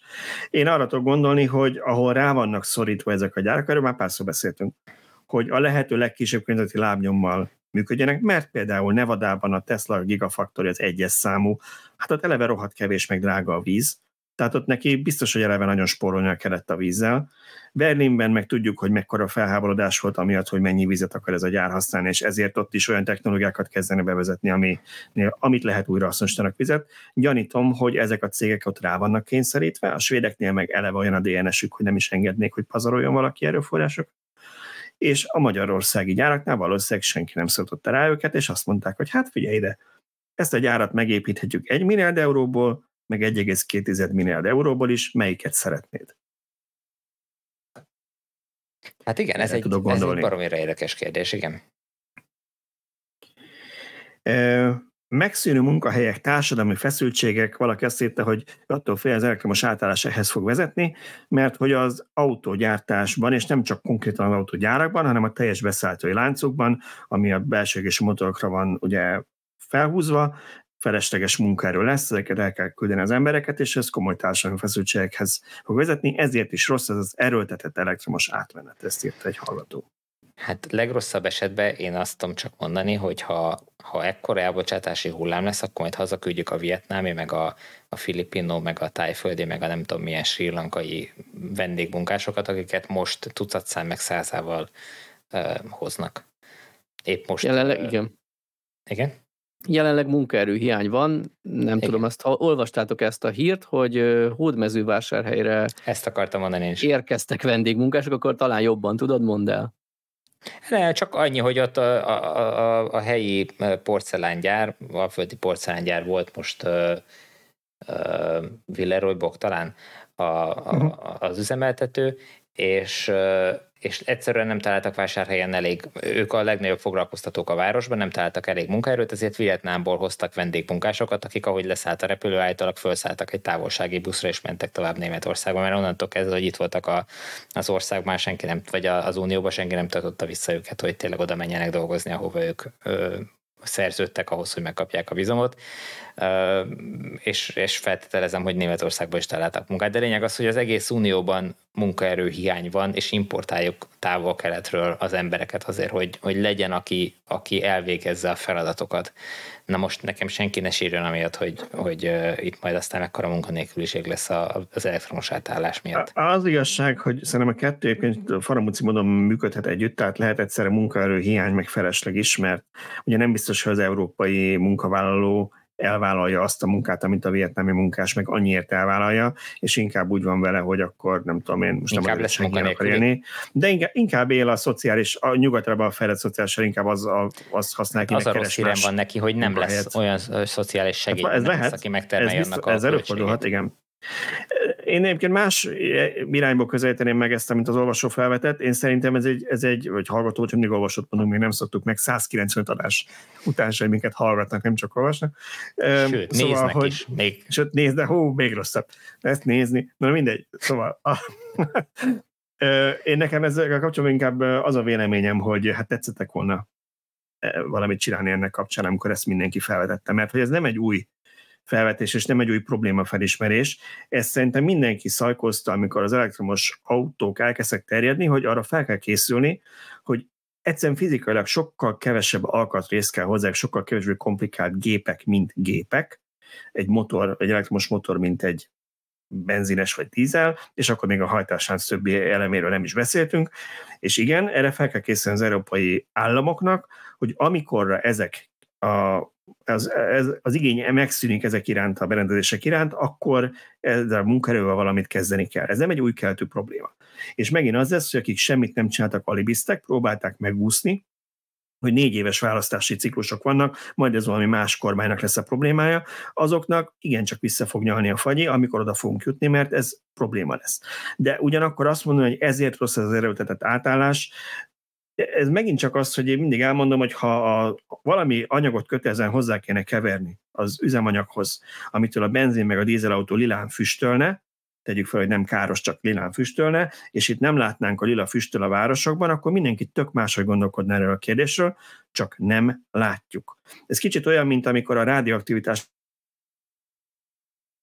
Madame Curie ugye szegény ezért is halt meg, és volt, hogy emberek ékszerekben használtak rádióaktív anyagokat, mert ez szépen világított, nagyon jól nézett ki, meg rádióaktív anyagokat gyógyászatban krémekbe, meg ilyenbe keverték, és most azt mondanánk, hogy jó, most kiderült, hogy ezek károsak, de hát nem már betiltsuk, hát ez egy iparág, erre épül valami, hát és mi lesz azzal az iparággal? Ez az egészségünkre komolyan káros ö, anyag, ami a levegőbe kerül, és ez nem lehet kifogás, hogy de mi lesz a munkaerővel. Amiről egyébként meg valamit kezdenie kell a kormányoknak, de hát ez az, az ő felelősségük már.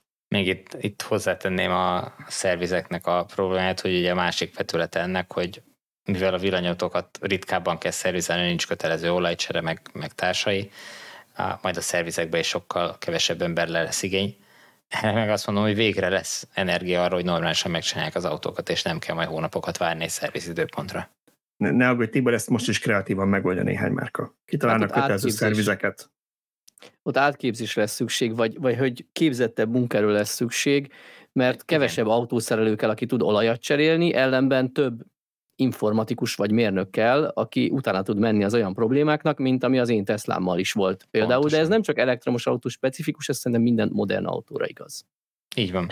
Oké, okay. gyors két komment, még aztán akkor a rekord villanyórát lezárjuk, csak ha már itt vannak, az egyik az egy hétet csúszott, úgyhogy nem akarnám ott tenni, szóval utolsó előtti valaki azt hitte, terjednek a plegykák, hogy hiába lett megszavazva a Pécsi Supercharger, nem oda építik, hanem Szexádra. Mit tudtok erről? Tibor, te erről valamit Nincs hivatalos információnk, de én, amit legutóbb hallottam, ők ragaszkodnak Pécshez, tehát hogy az ő, ő elképzelésükben van egy jó forgatókönyv, amiben Pécs a következő két helyszín egyike. De hogy aztán tényleg ott fogják-e megvalósítani, ezt nem tudom. Szerintem egyetlen akadálya lehet, hogyha mégse Pécset valósítják meg, hogyha nem találnak olyan partnert, olyan helyszínt, ahova ezt le tudják tenni ezeket a töltőket.